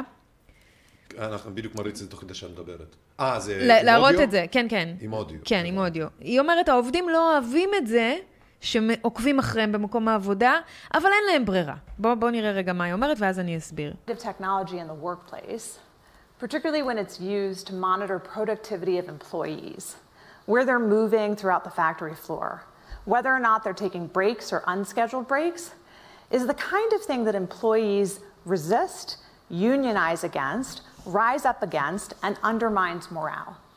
What we've seen consistently is companies from Amazon to Tesco to Walmart and others have introduced what is considered to be bossware or surveillance technology that employees really don't like it, even if it makes their lives better. Okay, well, if you don't like your job, just quit. But what if there's nowhere to go? What if everywhere has ubiquitous monitoring? In fact, during the pandemic, what we found was that 80% of companies admitted that they use at least some forms of so called bossware technology to monitor the productivity of their employees. Whether it's a white collar uh, employee monitoring what's on their screen, or in any other context, surveillance is part of our everyday lives. Surveillance for productivity is part of what has become the norm in the workplace. And maybe with good reason. Nine out of 10 employees waste time during the workday. They focus on other things. There may be good reasons why we want to be able to find better ways to monitor whether somebody is paying attention or they're doing something different. אוקיי, okay, אז היא אומרת לרוב האנשים מאוד נוח עם צורה כלשהי של מעקב על המדדים שלהם, והם בכלל לא מודאגים ממדידת קצב לב לדוגמה. הבעיה, ופה מתגלה חוסר שביעות הרצון של גברת פרחני, שכאשר עוקבים אחרי מדדי עובדים במקום העבודה, כולל לאן הם הולכים, האם הם לוקחים הפסקות וכל מיני דברים כאלה, העובדים מתאגדים, הם, הם חותרים לפגוע במורל במקום העבודה, הם פשוט לא אוהבים את זה. גם אם זה עושה את החיים שלהם טובים יותר. אז מה הבעיה? היא אומרת, אם אתה לא אוהב את העבודה שלך, תתפטר. תתפטר. אבל מה אם אין לך לאן ללכת? מה אם יהיה מעקב בכל מקום? במהלך הקורונה הודו 80% מהחברות שהן משתמשות בטכנולוגיה כלשהי כדי לעקוב אחר הפרודוקטיביות של עובדיהן. מעקב הוא חלק מח... תראו איך היא אומרת את זה כאמת. מעקב הוא חלק מחיי היומיום שלנו. את יודעת מה... יענו נרמול, נרמול, נרמול. את יודעת מה נורא ב... ב... ואולי בצדק? תשע מתוך עשר עובדים מבזבזים את הזמן במקום העבודה. מי את, גברת, מומחית, יודעת, עתידנית? את, את יודעת מה נורא במונולוג שלה? ניתקת אותי. זה עושה לי בחילה. מה שנורא זה הנונשלנטיות. כן. בה היא מדברת על זה. כן. היא מדברת על זה בטון שאם אתה שומע מהצד, אתה עלול לחשוב שנייה שבעצם היא מתארת משהו נורא. שהיא, שהיא בצד שלנו ואומרת, mm-hmm. כל הדבר הזה זה... הוא נורא. ולא, לאט לאט אתה מגלה שבעצם היא מתארת תסריט אימה, אבל היא לגמרי חושבת שהוא צריך להתקיים. בהחלט, היא אומרת את זה. ואין טיפת מודעות לגיבנת המטורפת שהיא עולה, זה, את יודעת, האנשים הפסיכיים, אה, זה בן אדם, אני אוהב להסתכל על אנשים, אני, אנשים מרתקים אותי. אתה מגלה בשפת גוף של האישה הזאת, שהיא סייקו, היא סוציופטית, אין לה טיפת אמפתיה לדבר הזה שהיא מסוגלת. כשבן אדם אומר, אם אתה לא אוהב את העבודה שלך, טון, תתפטר. כאילו, כאילו לא, אין לזה שום לא, חשיבות. לא הבנת שהבן אדם, אין לו, בן אדם שעובד, שעובד באמזון בלמלא קרטונים, זה כנראה לא היה עבודת, אה, זה לא היה חלום חייו. היא בתור המשפטנית שם, מאוניברסיטת דיוק, היא לא כל כך רואה את זה, זה מהפריבילגיות שלה. זה אנשים כל כך מנותקים ממש. מהמציאות, הם, זה הרוע האנושי. Mm-hmm. הניתוק הזה, והלדבר על האנשים כאילו הם איזה דאטה. Mm-hmm. אנחנו ננטר את ה... אה, את, את הפעימות לב שלך, את החום שלך, ואנחנו נגיד לך אם עבדת טוב או לא, ואם עבדת, ואם עבדת טוב תקבל חמש נקודות, ואם לא, פויה, אנחנו נוריד את הדירוג החברתי שלך, ולא תוכל להיכנס לרכבת. אתם תשעים, תלכו... זה פסיך, זה כל כך מטורף. לגמרי. אני אשים את הלינק הזה, ואתם... יש לנו עוד רכבות, יש לנו עוד... איזה רכבות?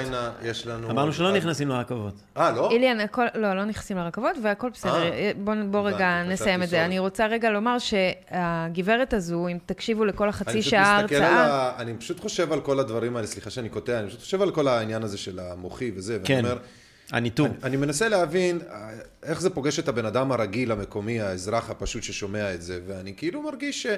לא רק שהמהות של הדבר היא נשמעת כמו איזה קונספירציה, אלא גם עצם התחושה שזה כאילו, יש עכשיו פיגועים, רציחות, אה, אני יודע מה, הפגנות ושטויות כאלה ועניינים וזה. למה שנתעסק בשיט שהוא שייך באמת לאנשים פסיכופטיים כמו האישה הזאת? שוב, אנחנו כרגע, אנחנו נמצאים במזרח התיכון. אנחנו בכפר אה, מרוחק מהעיר הגדולה. אבל כשאתה מסתכל על מדינות שאין בהן פיגועים כל היום ו- ומלחמות והפרד ומשול, ושבן אדם הולכים למפעל לעבוד, ומתאגדים ויש להם לא זכויות, רק. ולא משנה, אני כאילו, אענה לך על זה. בחברה טיפה יותר רגועה, אתה מכניס את זה במין אגביות. אתה אומר, תראו חבר'ה, מעכשיו אתם חייבים לענוד את השעון הזה. עזוב, זה לא, זה לא תת-הורי, זה שעון. אבל זה יותר מזה. זה והשעון הזה בסוף מנהל אותך, אתה לא יכול, אתה לא, הוא מחליט מתי אתה יוצא להפסקה, מתי אתה עושה פיפי, ואם עבדת טוב, כן. וזה שליטה מוחלטת. נכון, אבל אני אומרת ככה, היא מדברת פה על שליטה מוחית, והיא מציגה כל מיני גאדג'טים שעושים את זה, והיא אומרת לאן זה הולך, היא מדברת גם על נגיד איזה צעיף שמעבדת המדיה של MIT המציאה, שהוא ייתן לעובד חשמול קל כל פעם שהדעה שלו מוסחת, כדי להחזיר אותו לא לפוקוס, נכון. באימא שלי. אוי ואבוי. אבל, אבל, בקטנה. הנקודה היא כזו, גם אם אתם עובדים בחברה שלא תבקש מכם מחר בבוקר לשים אוזניות לבישות, או צעיף מחשמל, או כל מיני דברים כאלה, עדיין יש פה נרמול של הטרנד של surveillance במקום העבודה, מעקב. בכל מקום, של מעקב בכל מקום. כן. רוצים לשלוט עלינו ולנטר אותנו כל הזמן. ואני יכולה להגיד לכם, בתור מישהי שבאה מעולם הקורפורט, מעולם התאגידי, עבדתי כמעט 20 שנה בחברות הייטק, סטארט-אפ וכל מיני כאלה, ונדל"ן וכולי, שזה מאוד מאוד נפוץ בכל חברה שהיא היום. להסתכל על הפרודוקטיביות של העובדים בכל מיני שיטות, לא רק על, על ידי טכנולוגיה לבישה, גם להסתכל נגיד על הסלק או על האינטרנט שלהם, מתי הם נמצאים שם, כמה הפסקות הם לקחו, מתי הם כן שם, לא שם. יש הרבה דרכים לנטר פעילות ולנטר... זה, וה, הרעיון, הקונספט הזה, של כל הזמן לעקוב אחרי העובדים שלך, והיא אחר כך אומרת, אנחנו צריכים לעשות את זה לטוב ולעזור להם להשתפר, ולא בשביל לפטר אותם או להרע להם. בטח אנחנו לא. צריכים, ממש. מקומות עבודה צריכים לקחת את הדבר הזה ולהשתמש בו לחיוב. טוב שאת אומרת את זה באמת. האמת שזה לוקח אותי באמת... אז, אז אני אומרת, אה, איליאן, זה מאוד חשוב להציף את זה, גם אם זה נשמע רחוק ונשמע כמו קונספירציה, מכיוון שהרעיון, הרעיון, הקונספט של לשלוט על אנשים בכל מקום שהם נמצאים, בכל דבר שהם עושים, זה הרעיון שנכנס לנורמל, ואנחנו לא צריכים לקבל את זה בשום מקום. אנחנו לא צריכים לאפשר את זה, אנחנו צריכים להתנגד לזה איפה שזה מגיע. נגדיל ואפילו ונאמר שבמקרים של עכשיו, של כל האנשים שיוצאים להפגנות בגלל דמוקרטיה, בגלל ה... שיילקחו מהם זכויות או כל מיני כאלה, עזבו כאמור שוב פעם שהם כבר, אלה שמפגינים, לקחו בעצמם וסייעו לזה, אבל כשחושבים על זה, הרי זו בעצם הבעיה מלכתחילה, ובשביל זה אנחנו גם מציפים באמת את העניין הזה. נכון. כי הם לא רוצים, האויב הוא לא הבן גבירים, האויב הוא נשים כאלה, כמו הזאתי בפורום הכלכלי, וההצעות שלה.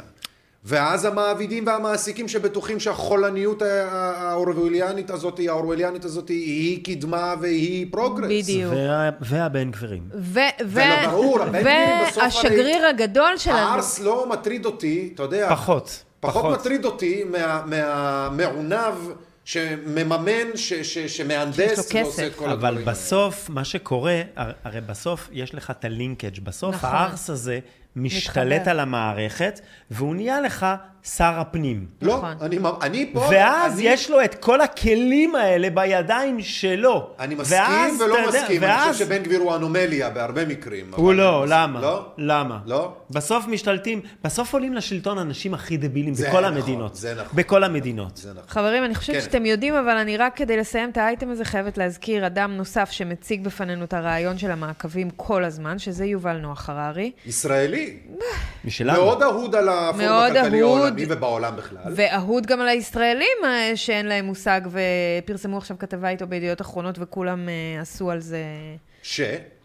הרי האבסורד, בואי תגידי את זה עד הסוף, האבסורד הוא שמדובר בבן אדם שהולך מכל, בכל חור, מכל חור לכל חור, מדלת לדלת, ומפיץ איך אפשר, כן, להבין יותר טוב את בני האדם כדי נכון. לשלוט בהם יותר טוב. אז אני רוצה להגיד לכם מה הוא אומר. אבל לא ברור ואז- לי- שנייה אני- רגע, אני לא- באבחה שנייה, הוא הולך ועושה כתבה ומסביר בעצם למה זה לא בסדר הניסיונות האלה ולעשות את מה שהוא אני, מציע בעצמו. אני שאני מקשיב לו הרבה... זה בן אדם מוזר הוא. אני שאני מקשיב לו הרבה זמן, לא, לא זוכר שתפסתי אותו, ותתקנו אותי אם אני טועה, שתפסתי אותו ממש עומד לצד, הוא תמיד מזהיר, וזה זה כמו, זה כמו עם האישה הזאת, שבהתחלה אתה מקשיב לה ואתה אומר, היא נגד, ואז אתה מגלה שהיא בעד. אני לא גיליתי שהוא בעד. אני גיליתי שהוא תמיד מזהיר. אני נכון, הוא הלך לפורום הכלכלי בואו כמה את וכמה. פעמים. לא, בסדר. בוא אני- נראה ואתה תשפוט. אוקיי. תקשיב, הוא בן אדם מאוד מתוחכם והוא עושה את הדברים בצורה מאוד מתוחכמת. זה נכון. אוקיי, אז אה, אפשר רגע את הוידאו של ה-BBC להראות, של דקה? את ה... זה של... אה, יש של- שם לינק. של לינק, כן, לא, אין, אין זה. ראיון שלו מספטמבר 2020. הוא אומר שמעקבים בתוך הגוף ומתחת לעור הם ההמצאה החשובה ביותר של המאה ה-21. הוא טוען שבני אדם הם יצורים הניתנים לפריצה, hackable creatures. אבל הוא מציג את זה, הוא כאילו לא אומר? אני עומד מאחורי העמדה הזאת. הוא תמיד אומר, הנה האנושות. הוא כאילו, בעיניי, יש לו, יש לו מבט או אפרתי, זווית זה הסרטון? של, של חוקר אחד טבע. למעלה. עומד מהצד ואומר, הנה האנושות. איפה אתה? לא, הנה יש לך ה- לינקים ב... אה, אני בלינק בבורד. הנה הדברים, במירו. האם הוא לוקח אה, צד? בבור. אני לא יודע. אני על ה... איך קוראים לו? הבנתי. אה, אבל אם את אומרת שזה ברור מהרעיון הזה, אני לא, אני לא זוכר, אני ראיתי גם את בסדר, הרעיון הזה. בשביל זה אני עושה את העבודה וחוקרת ו- ומביאה את הדברים. נכון, היא עושה את אז, השיעורי בית, אה, לא סתם אמרנו, שהיא עושה את השיעורי בית. אתה יכול לצפות בהכל ולהיות השופט קורונה בעצמך. וירוס, מי אתה יכול אשר- להראות את הוידאו הזה? יש פה וידאו של May דקה. usher in a new surveillance of surveillance. New era of surveillance. New אה, era of surveillance. עידן חדש של מעקבים. נכון. הוא אומר, אה, אנחנו צריכים לאסוף מידע ביומטרי ולפענח אותו על מנת להבין את בני האדם יותר טוב מאשר הם מבינים את עצמם. סליחה זה על הבורות. איך אני... או, זה לוחץ. על זה. פשוט כן. לוחץ. לא, זה פשוט לוחץ על מתוחכם זה. קצת יותר מזה. שים אותו אוקיי. רגע. בטח תהיה פרסומת. לא, זה התחיל. הבנתי, אוקיי. תעשה פליי או שאני אאלץ לשיר COVID כדי 19 למלא. crisis, which you call the biggest crisis of our lifetimes, does it to you represent, in the end, little more than a bump in the road, or is it something more profound than that? I think that in our lifetime, if you think in terms of a couple of decades, it will be big. Not just not because of the epidemic itself, but even more so because of the economic and political consequences. but in the long sweep of history, you know, thousands of years, no, I don't think it will be one of the big events of history. It is, it could be a watershed event in several ways, like we discussed earlier with surveillance. People could look back in a hundred years and identify the coronavirus epidemic as the moment when a new regime of surveillance took over, especially surveillance under the skin, which I think is maybe the most important development of the 21st century, is this ability to hack human beings, to go under the skin, collect biometric data, analyze it, and understand people better than they understand themselves. This, I believe, is maybe the most important event of the 21st century.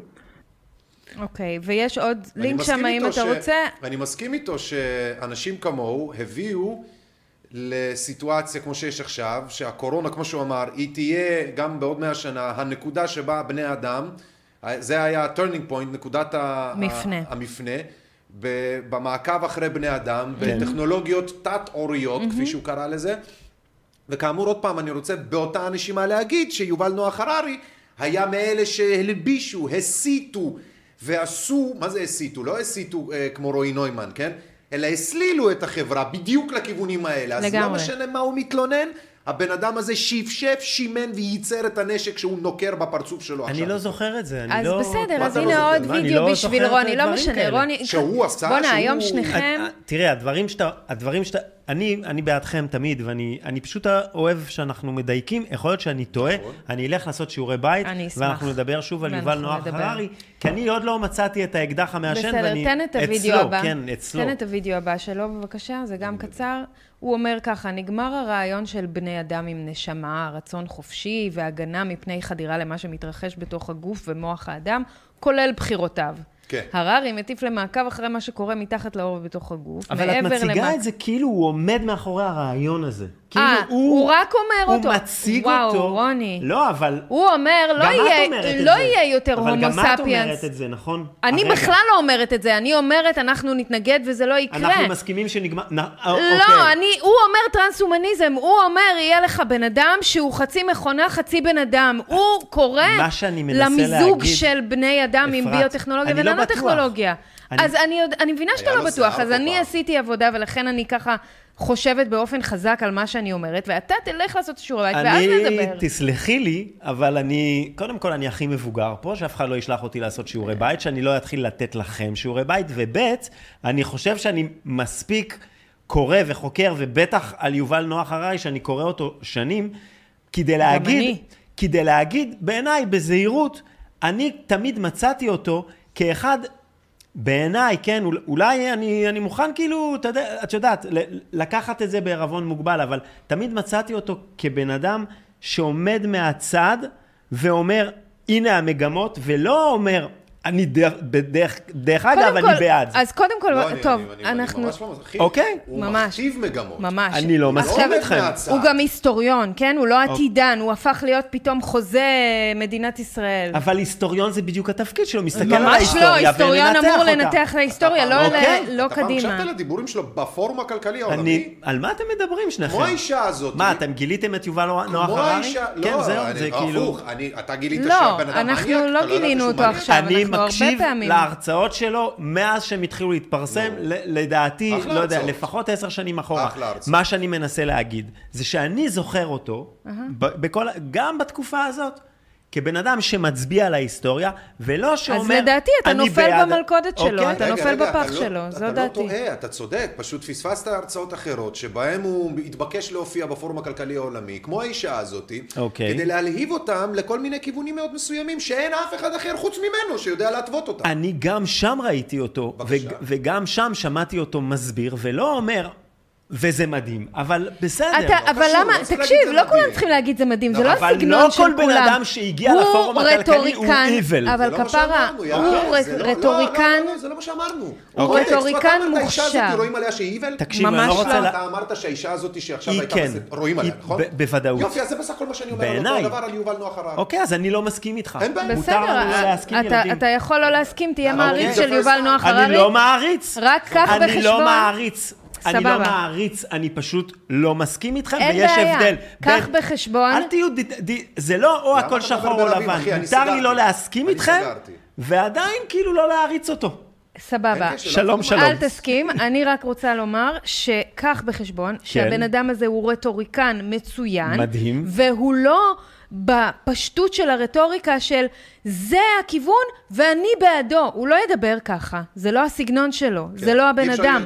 אוקיי. בו זמנית. בדיוק. תראו, אני, אני מרשה הוא לעצמי... לא ביבי. לפעמים כאילו- לא לדעת הכל, ולהגיד, אוקיי, אנ- אנחנו מנסים לעשות אחי, עיתונות... הסכמנו. לא, אנחנו מנסים לעשות עיתונות כאילו באמת, אין כאילו... שום בעיה, אל לא תס- להיות אל תמיד תסכים. דיכוטומיים. לא, זה לא טוב משנה, שיש מישהו הצגת שאומר, את זה, רגע, אנחנו רגע. הצגנו. בוא נמשיך, יש לנו סרטון פה שלו. כן. ג'יזוס קרייסט. זה הסרטון האחרון שלו ואז נעבור ל... יובל, אני years, הייתי איתך, uh, to תזכור. give a, a conservative estimate, there won't be Homo sapiens on, on planet Earth. 200 years. 200 years, and I think this is a conservative estimate. Wow.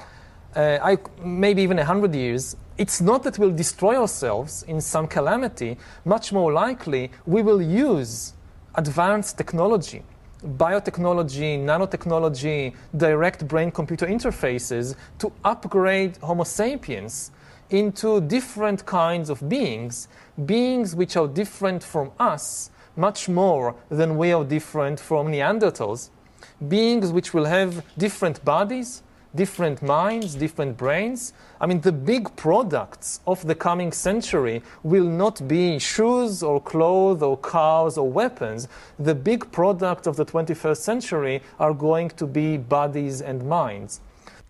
Oh. So I think we are heading to, towards the upgrading of Homo sapiens into gods. טרנס-הומניזם. טרנס-הומניזם. אני מסכים עם ההסתכלות של אנשים כאלה, אני צוחק ובז על הליניאריות הזו שלכאורה הדברים הולכים. זה כמו להגיד, כן. יש לי מחשב, בוודאות לכולם יהיה מחשב בעוד שבוע. לא יאח, זה לא עובד ככה, הדברים הם מעגליים הרבה יותר, דינמיים הרבה יותר.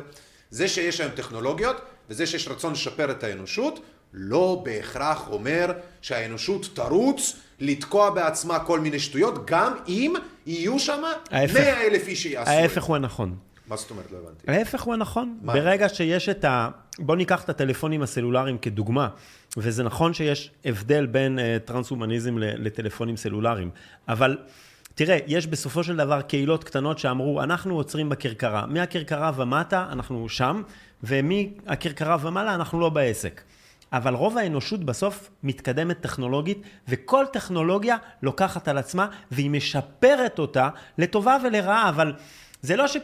זה לא שסביבך יש אנשים שאומרים, וואו, זה נורא, אני לא הולך עם טלפון סלולרי. שלושתנו, כמה שאנחנו כאילו קונספירטיביים, ו...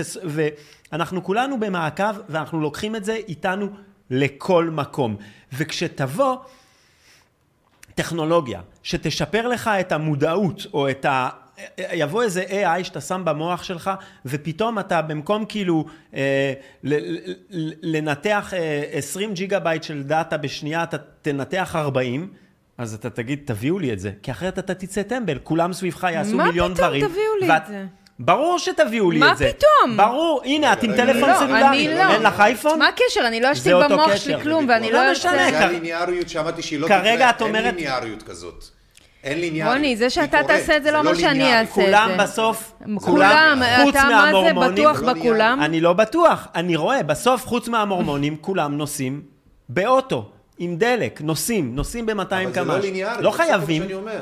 אני אומר, זה לא האנושות- היום יש, מחר כולם לוקחים. יש- זה לא יש- עובד ככה. זה עובד בול ככה, לא, ככה לא, האנושות לא, לא. מתקדמת. לא, לא, לא, לא, לא. זו ההיסטוריה. לא, אח, אתה לפני רגע בעצמך זה ההיסטוריה. אמרת שאנשים מתנגדים קודם וזה. נכון. זה לא ליניארי. אבל זה בסוף. יש קהילות קטנות, תקרא להם המורמונים, או לא, זה לא. מוזרים שאומרים, עזוב, מוזרים שאומרים. אנחנו מחוץ לעסק, כן. אבל האנושות, כשיש איזו קפיצה טכנולוגית, היא אומרת, יאללה, תביא. עוד פעם, לא כל קפיצה טכנולוגית בסוף באמת עובדת, זה צריך לזכור. לא, כול... לא, לא, לא. ת- תוכיח, תגיד. לי איזה. יש מישהו, בס... יש איזה חברה אנושית שאתה מכיר שאמרה, כן. אנחנו מפסיקים בחשמל, כן. אנחנו לא הולכים על זה. כן? אתה צרפתי? כן. מטוס הקונקורד. כן. בוא נמשיך. מה, איזה שטויות. מה- זה מה- ממש דוגמה. טכנולוגיה שלא מתאימה, החליטו תעזוב אותך. ועדיין משתמשים בטכנולוגיה הזאת. מה, זה לא, אולי, אין אולי... מטוסים, אין יותר מטוסים כמו קונקורד. למה? כי זה אל overkill. תעשה לי הרצאה על הקונקורד, כי לא, זה אבל אני פשוט, יכול להגיד לך, כי זה זה פשוט overkill לא... שהם... הם זה לא ש- overkill, זה טכנולוגיה משנות ה-70, משתמשים בהם במטוסי קרב, לא במטוסי נוסעים, וזהו. כי זה אבל overkill. עדיין אתה טס, אתה לא נוסע בכרכרה. למה אף מטוס לא עולה מעל המהירות של של הכל כמו הקונקורד? כי אין צורך, כי זה, מד... כי זה מבזבז הרבה יותר מדי דלק ב... או מה? כיף? לא, אי אפשר שאם אני עושה כיף אתה עושה אגרוף כי זה מייבש. לא, תעשה כיף. אני אגיד לך, זה בדיוק הפואנטה אתה לא צריך לטוס במאך 2 ללונדון. בדיוק מה שאני אומר. נכון. לא כל אחד צריך הזרקות וצ'יפים וזה לא יעבוד על כל אחד, זה הכל. זה ממש לא מה שאתה אומר. הטכנולוגיה של טיסה, המהירות שונה. אתה לא צריך עכשיו שמונה- 80 ג'יגה בדבר הזה. אתה. אתה מספיק לך 4. לא, אבל אני בא לומר על טכנולוגיה שעלינו והורדנו. אה? כי היא לא הייתה הגענו. בטוחה. כי היא לא הייתה בטוחה לנוסעים. בבקשה.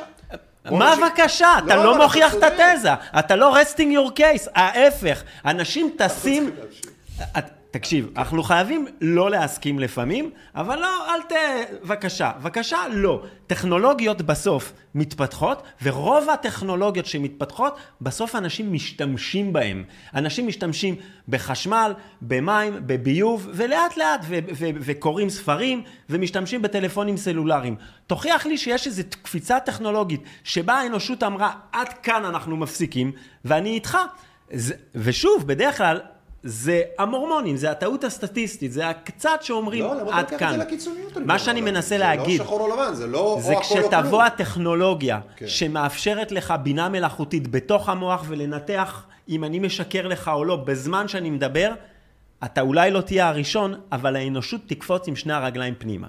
אוקיי.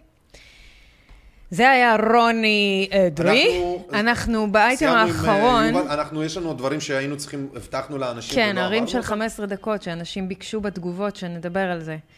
יש לנו ראיון עם... אין בעיה, ונשאיר זמן כדי לרוץ על כל השאר מהר. בבקשה. בלי יותר מדי אה, זה, רק כדי ככה לתת ולדחוף את הדברים, כדי גם להזכיר, אבל גם לתת בבקשה. את הדחיפה. אז בבקשה. לגבי כן. ערים של 15 דקות, אה, קונספט שרובכם, חלקכם, נחשפים אליו בימים אלה, אה, דיברנו על זה טיפונת בפרקים הקודמים, מהמם. מה זה בכלל עיר של 15 דקות, אמרנו שזה עיר שהכל נמצא בפרימטר קרוב אליך, בסביבה הקרובה שלך של 15 דקות אה, או צעידה או אה, רכיבה על אופניים, כדי שיהיה לך חיים יותר נוחים. ויותר קלים ויותר uh, חביבים. פחות מזהמים. פחות מזהמים, זה מתחבר עם האג'נדה הירוקה, זה מתחבר עם uh, אג'נדת האקלים. ואני דיברתי עם עיתונאי מבריטניה על הנושא הזה, מכיוון שבאנגליה יש עיר שנקראת אוקספורד, ששמעתם עליה בטוח בגלל המילון, ובאוקספורד כבר התחילו את ההוצאה ניסוי. לפועל של עיר של 15 דקות באוקספורד, זה מוצהר, זה נכתב, זה נאמר, העירייה אה, שלחה לתושבים את ההנחיות למה הולך לקרות בעתיד הקרוב עם המעבר של אוקספורד להיותה עיר של 15 דקות, ועשיתי שיחה שלמה של איזה 20 דקות עם אה, לואיס ברקפול על זה. אה, אבל אנחנו נ- מפורסמת נראה איפה לכם, השיחה? אני עוד לא פרסמתי, רק היום, אתמול עשינו את זה, אז אני אפרסם את זה איפה שאפשר, בטוויטר ובכל מקום אחר, אה, ואתם יכולים לבוא ולראות, אבל אה, כרגע נראה רק שתי דקות, ונדבר קצת על מה יקרה באוקספורד ומה יקרה בכלל בעולם, ואני נדבר גם קצת אם זה קורה בתל אביב ואיך זה נראה. יש לך שם את ה-7.27? A spokesperson for the council told Oxfordshire Live, which is a newspaper, a local newspaper, mm-hmm. that the council's decision to greenlight these traffic filters in the city, and the filters will, underlined, ban private vehicles from six areas of the city at certain times and are set to be introduced. Now, on top of that, we talk about a climate lockdown, and it's important to to figure out what is a, a lockdown and why does it why does it tie in with climate change. So, the idea of a lockdown is to restrict movement. That's that's that's the simplest way to to of course define what a lockdown is. Mm-hmm. So, under the guise of climate change, I don't think it's cons- a conspiracy theory to say that this is a form of a climate lockdown. And when people say that, they think, oh, there's going to be physical barriers, you know, physical barriers, everyone's going to be locked in their homes, but it's more complicated than that.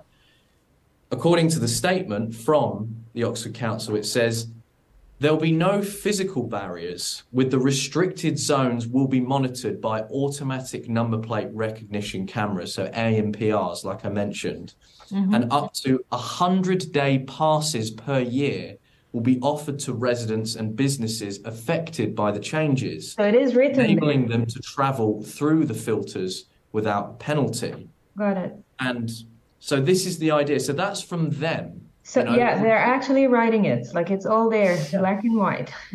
Yeah, it's black and white, absolutely. And it, they even say when they're operating, private cars will not be allowed through without a permit. All other vehicles, including buses, coaches, taxis, vans, mopeds, motorbikes, and HGVs, will be allowed at all times. So it is about um, private ownership of, of vehicles. Now. Oxford, this particular city, when I was there to cover the protest not so long ago against low traffic neighborhoods and 15 minute cities, because it's all tied together, people are just concerned about their civil liberties because they've seen this this from the playbook before throughout 2020 all the way till now. Um, of course, you know I read about Israel and you know the use of of cards and and you know mandatory passes and things to get into certain. Uh, כן, אפשר רגע להפסיק עם זה. אני... מספיק עם הסיוט הזה.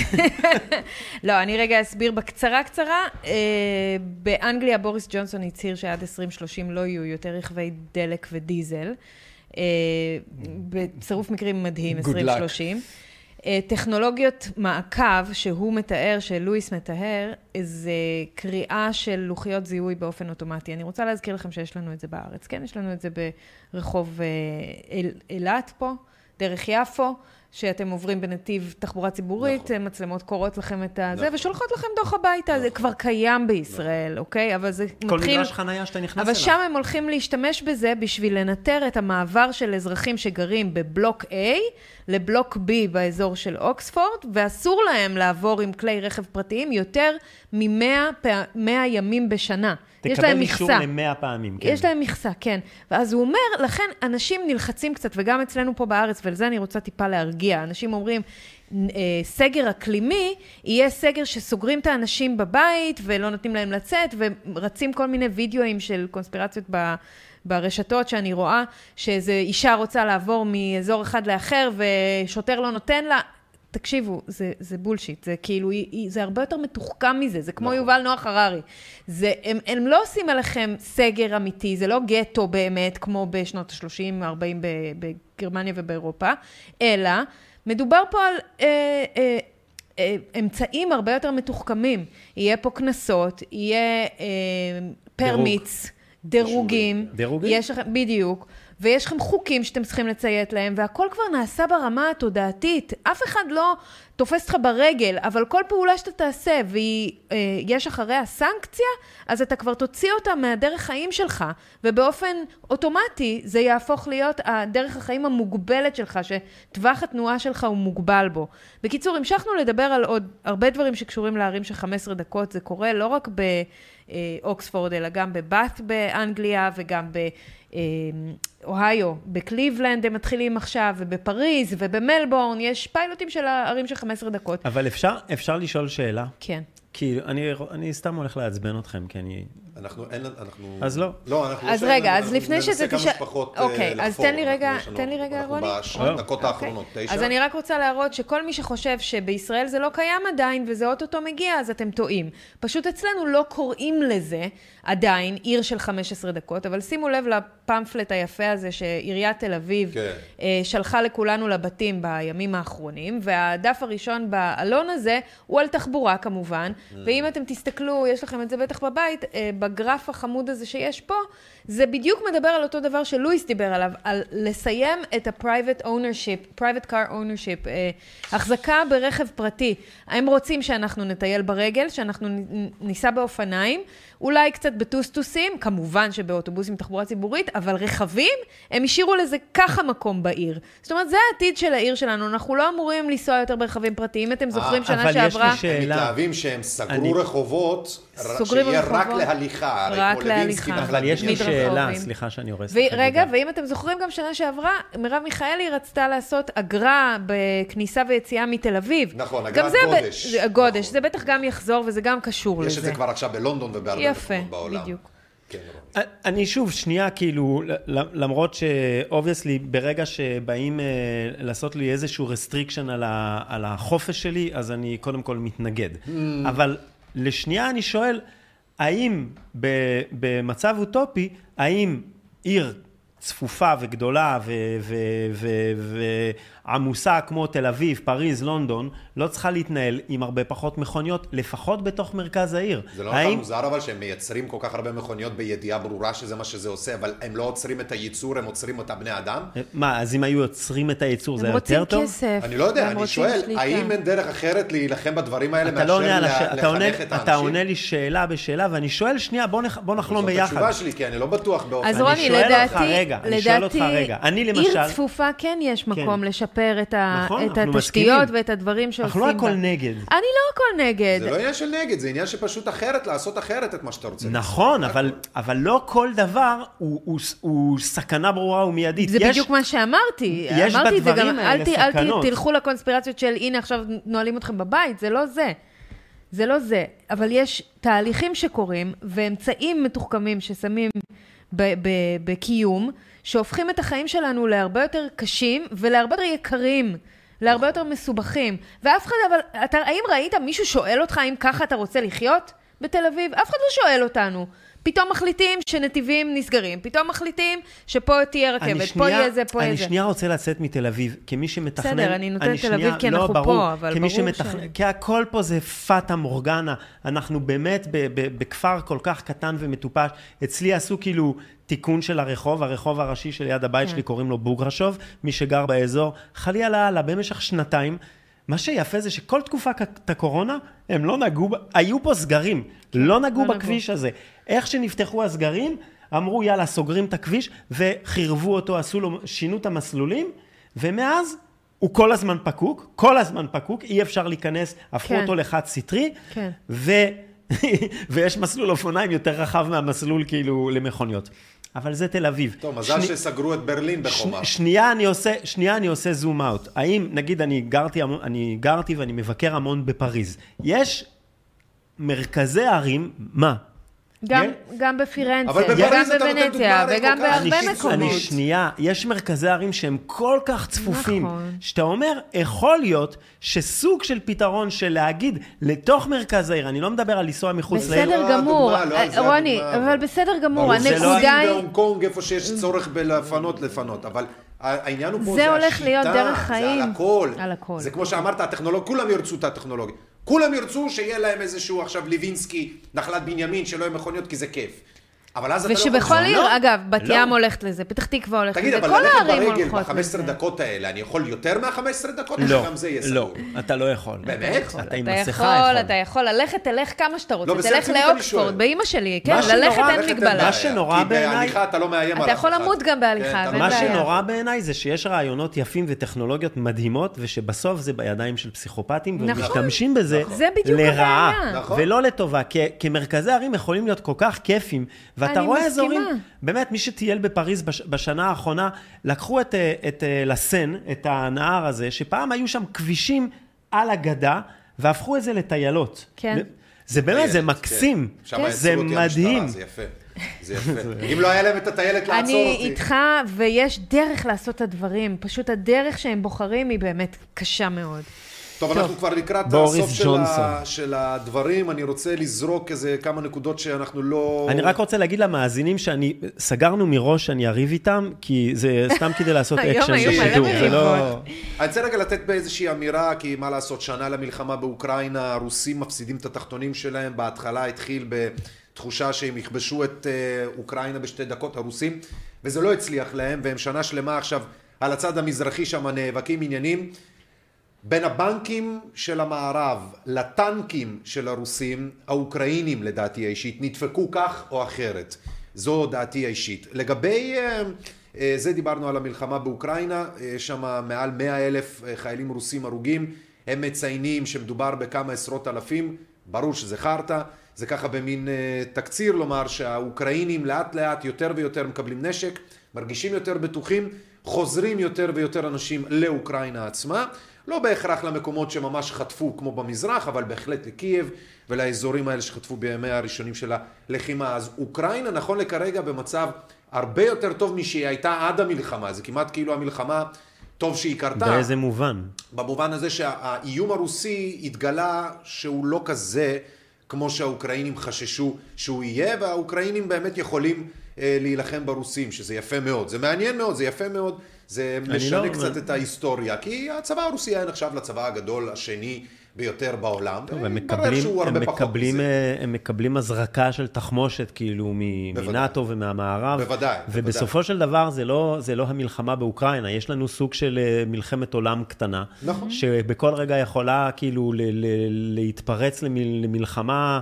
מספיק שהרוסים יחליטו כאילו, אוקיי, אנחנו מפסידים יותר מדי, בואו נזרוק איזה פצצת אטום טקטית איפשהו, וכאילו נסגור את הפינה עם קייב, ו- ו- והעולם מידרדר, ואני כאילו, מה, מה שמטריד במלחמה הזאת, זה שאתה לא רואה אופק. אתה רואה אה, את, אה, את פוטין עם הראש בקיר, וממול אה, זלינסקי גם סוג של עם הראש בקיר, בעיניי. אני אה, לא רואה פה הבדל, אני זאת אומרת, אני לא רואה פה מלחמה קלאסית, אני רואה פה מלחמה קלאסית לכל דבר ועניין, כמובן עם השינויים הטכנולוגיים של העת האחרונה. נשק שמגיע מהמערב למדינות, ה... לאוקראינה, מן הסתם כדי להילחם ברוסיה. אבל, רוסיה אבל פוטין ה... חייב, תראה, פוטין לא יכול להפסיד ולחזור עם הזנב בין הרגליים. הוא לא, הוא לא יכול. נכון. הוא לא יכול כי זה סוף החיים שלו. נכון. אז חייבים לעזור לו לרדת מהעץ, נכון? אתה מבין חושב, ש... אני חושב שזה בלי פיצוץ מבין- לא לא ייפתר. אתה מבין שבניהול משברים יש מה שנקרא די-אסקלציה. אתה אומר, אוקיי, רבנו, רבנו, מלא אנשים מתו, בואו, איך אנחנו מפסיקים את זה? ואתה רואה שהגישה בעיניי של ארה"ב היא... בואו נמשיך עם האסקלציה. אני חושב שהם מנ- כרגע מנהלים אה, פרוקסי וור מול, אה, מול רוסיה, נכון. וזה לא נראה שהם רוצים לסיים את זה יפה. ואתה יודע שפסיכים, בסוף לפסיכים האלה יש, יש, יש אפשרות להשמיד את העולם. ואף אחד, זה נראה שאין שם את המבוגר האחראי. לא, אתה פתחת לא, על המלחמה. איתך. לא, אני מסכים איתך, אני מסכים איתך, אני פשוט רוצה גם לעבור על הגז וזה, אני רעיון על איזה לצמצם גז? את זה. יש עוד הרבה נושאים, אנחנו כבר... אז דבר לא על חייב- הגז. לא חייבים לדבר על לא, הכל. לתת תזכורת, לפחות רק את התזכורת שיש. הכתבה על הגז שעשינו, הלל גוריון, בוא אחי, אנחנו משלמים לכותב תוכן. לא ידעתי שיש כתבה על הגז. בוודאי, משלמים לכותב תוכן, איש מצוין, שעושה עבודת תחקיר מצוינת. איזה זה AI, אני ראיתי מצוינת. אתכם עושים את זה. הלל גוריון, הלוואי ו-AI היה. מסוגל לדבר עברית. אה, העברית שהוא מדבר זה כמו עולה חדש מרוסיה שברח לפני שבוע כאילו מהמלחמה. אה, הגז בישראל יקר, ושוב פעם הושקו אותנו, ושוב פעם עניינים, כי זה בד בבד עם כל מה שקורה, הלוא אנחנו מדברים על טרור, מדברים על אה, אה, מלחמות, מדברים על אקטואליה, כשבסוף, בסוף, ביום יום מה שפוגש אותך ואותנו כבני אדם רגילים, זה כמו שגם אמרנו מקודם, חשמל, גז, מים, עניינים כאלה. חמאה. חמאה, הלחם והחמאה. למה לנו אין נגישות כמדינת גז? למה המחירים של הדלק הם מטורפים? למה המחירים של החשמל הם מטורפים? למה, הם, למה אין לנו שום סוג של עושר מהגז? כלומר, בן אדם שפתאום מתעשר אחרי שהוא כן. היה עני כל החיים שלו, הוא התעשר בלוטו, כשבאים אליו ואומרים לו יש לך חובות לשלם, הוא לא יתחיל לקצץ מהילדים ומהאלה, אלא אם כן הוא חולה בנפש, כן? הוא ייקח מהכסף שהוא זכה והוא ישים איפה שצריך. אצלנו זה נדמה שאמרו לנו זכיתם בלוטו, אבל עדיין מבקשים את הכסף להביא מאיזה סבתא מסכנה מהבלטות שלה שעוד כבר נגמר עליה הכסף. זה מדהים אותי.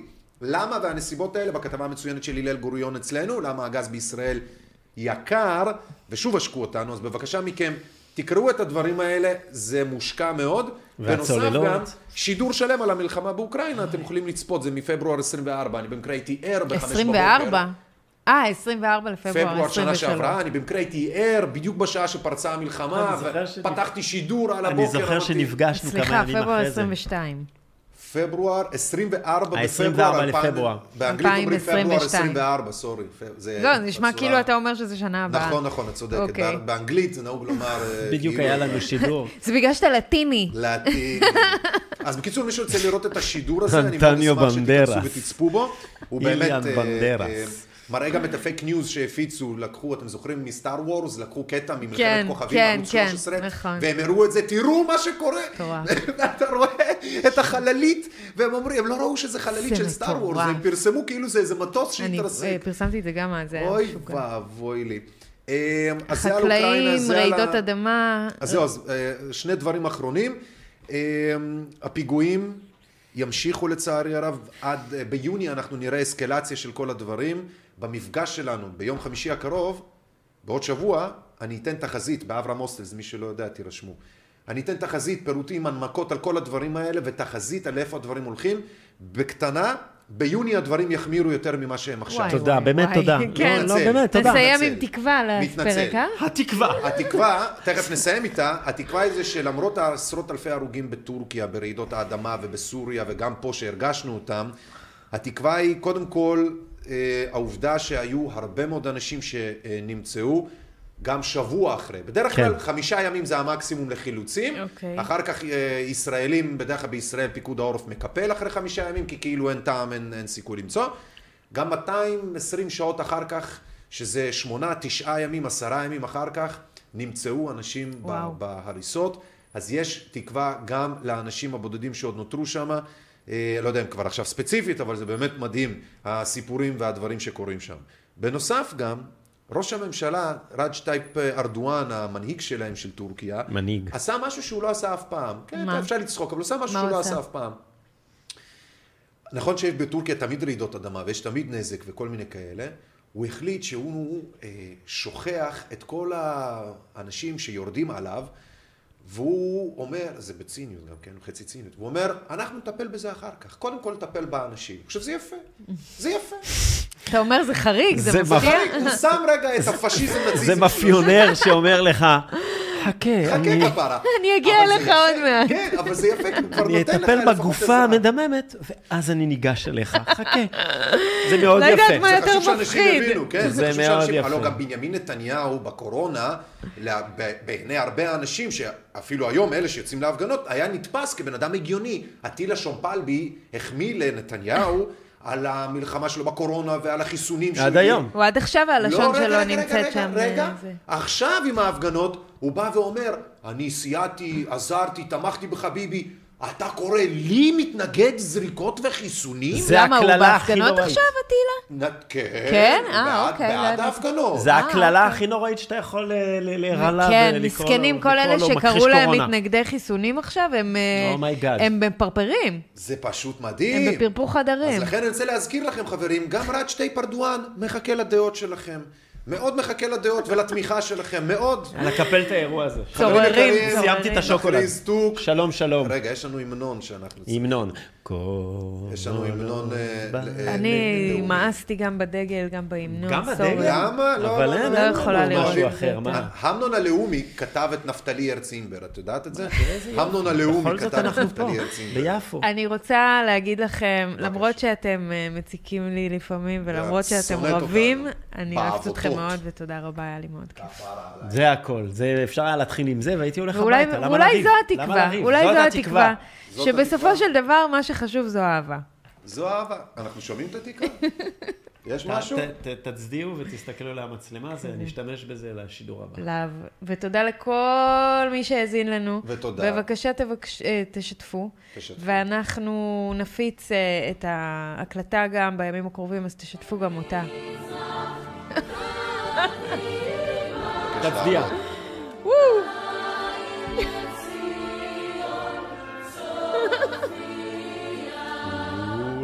היה נעים חברים, תודה רבה להתראות לכולכם, אנחנו נתראה בשידור הבא, תפיצו, תשתפו את הדברים האלה. יום ראשון בשעה שבע בערב, רצף לוי, פרופסור רצף לוי אצלנו באולפן, יום ראשון, שבע בערב, פרופסור רצף לוי באולפן.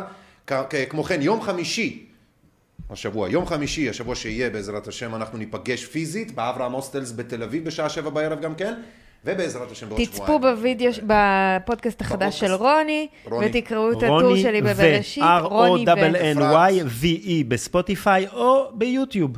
רוני... אה, והטור אה, שלי בבראשית, או. שתעשו מנוי או שתיכנסו באתר. נכון, תיכנסו באתר. תיכנסו בו, חזיתית. ואל תשתו מהים. אל תשתו אל תשתו מהים. יאללה, חפר. תלכו בדרך הפרחים.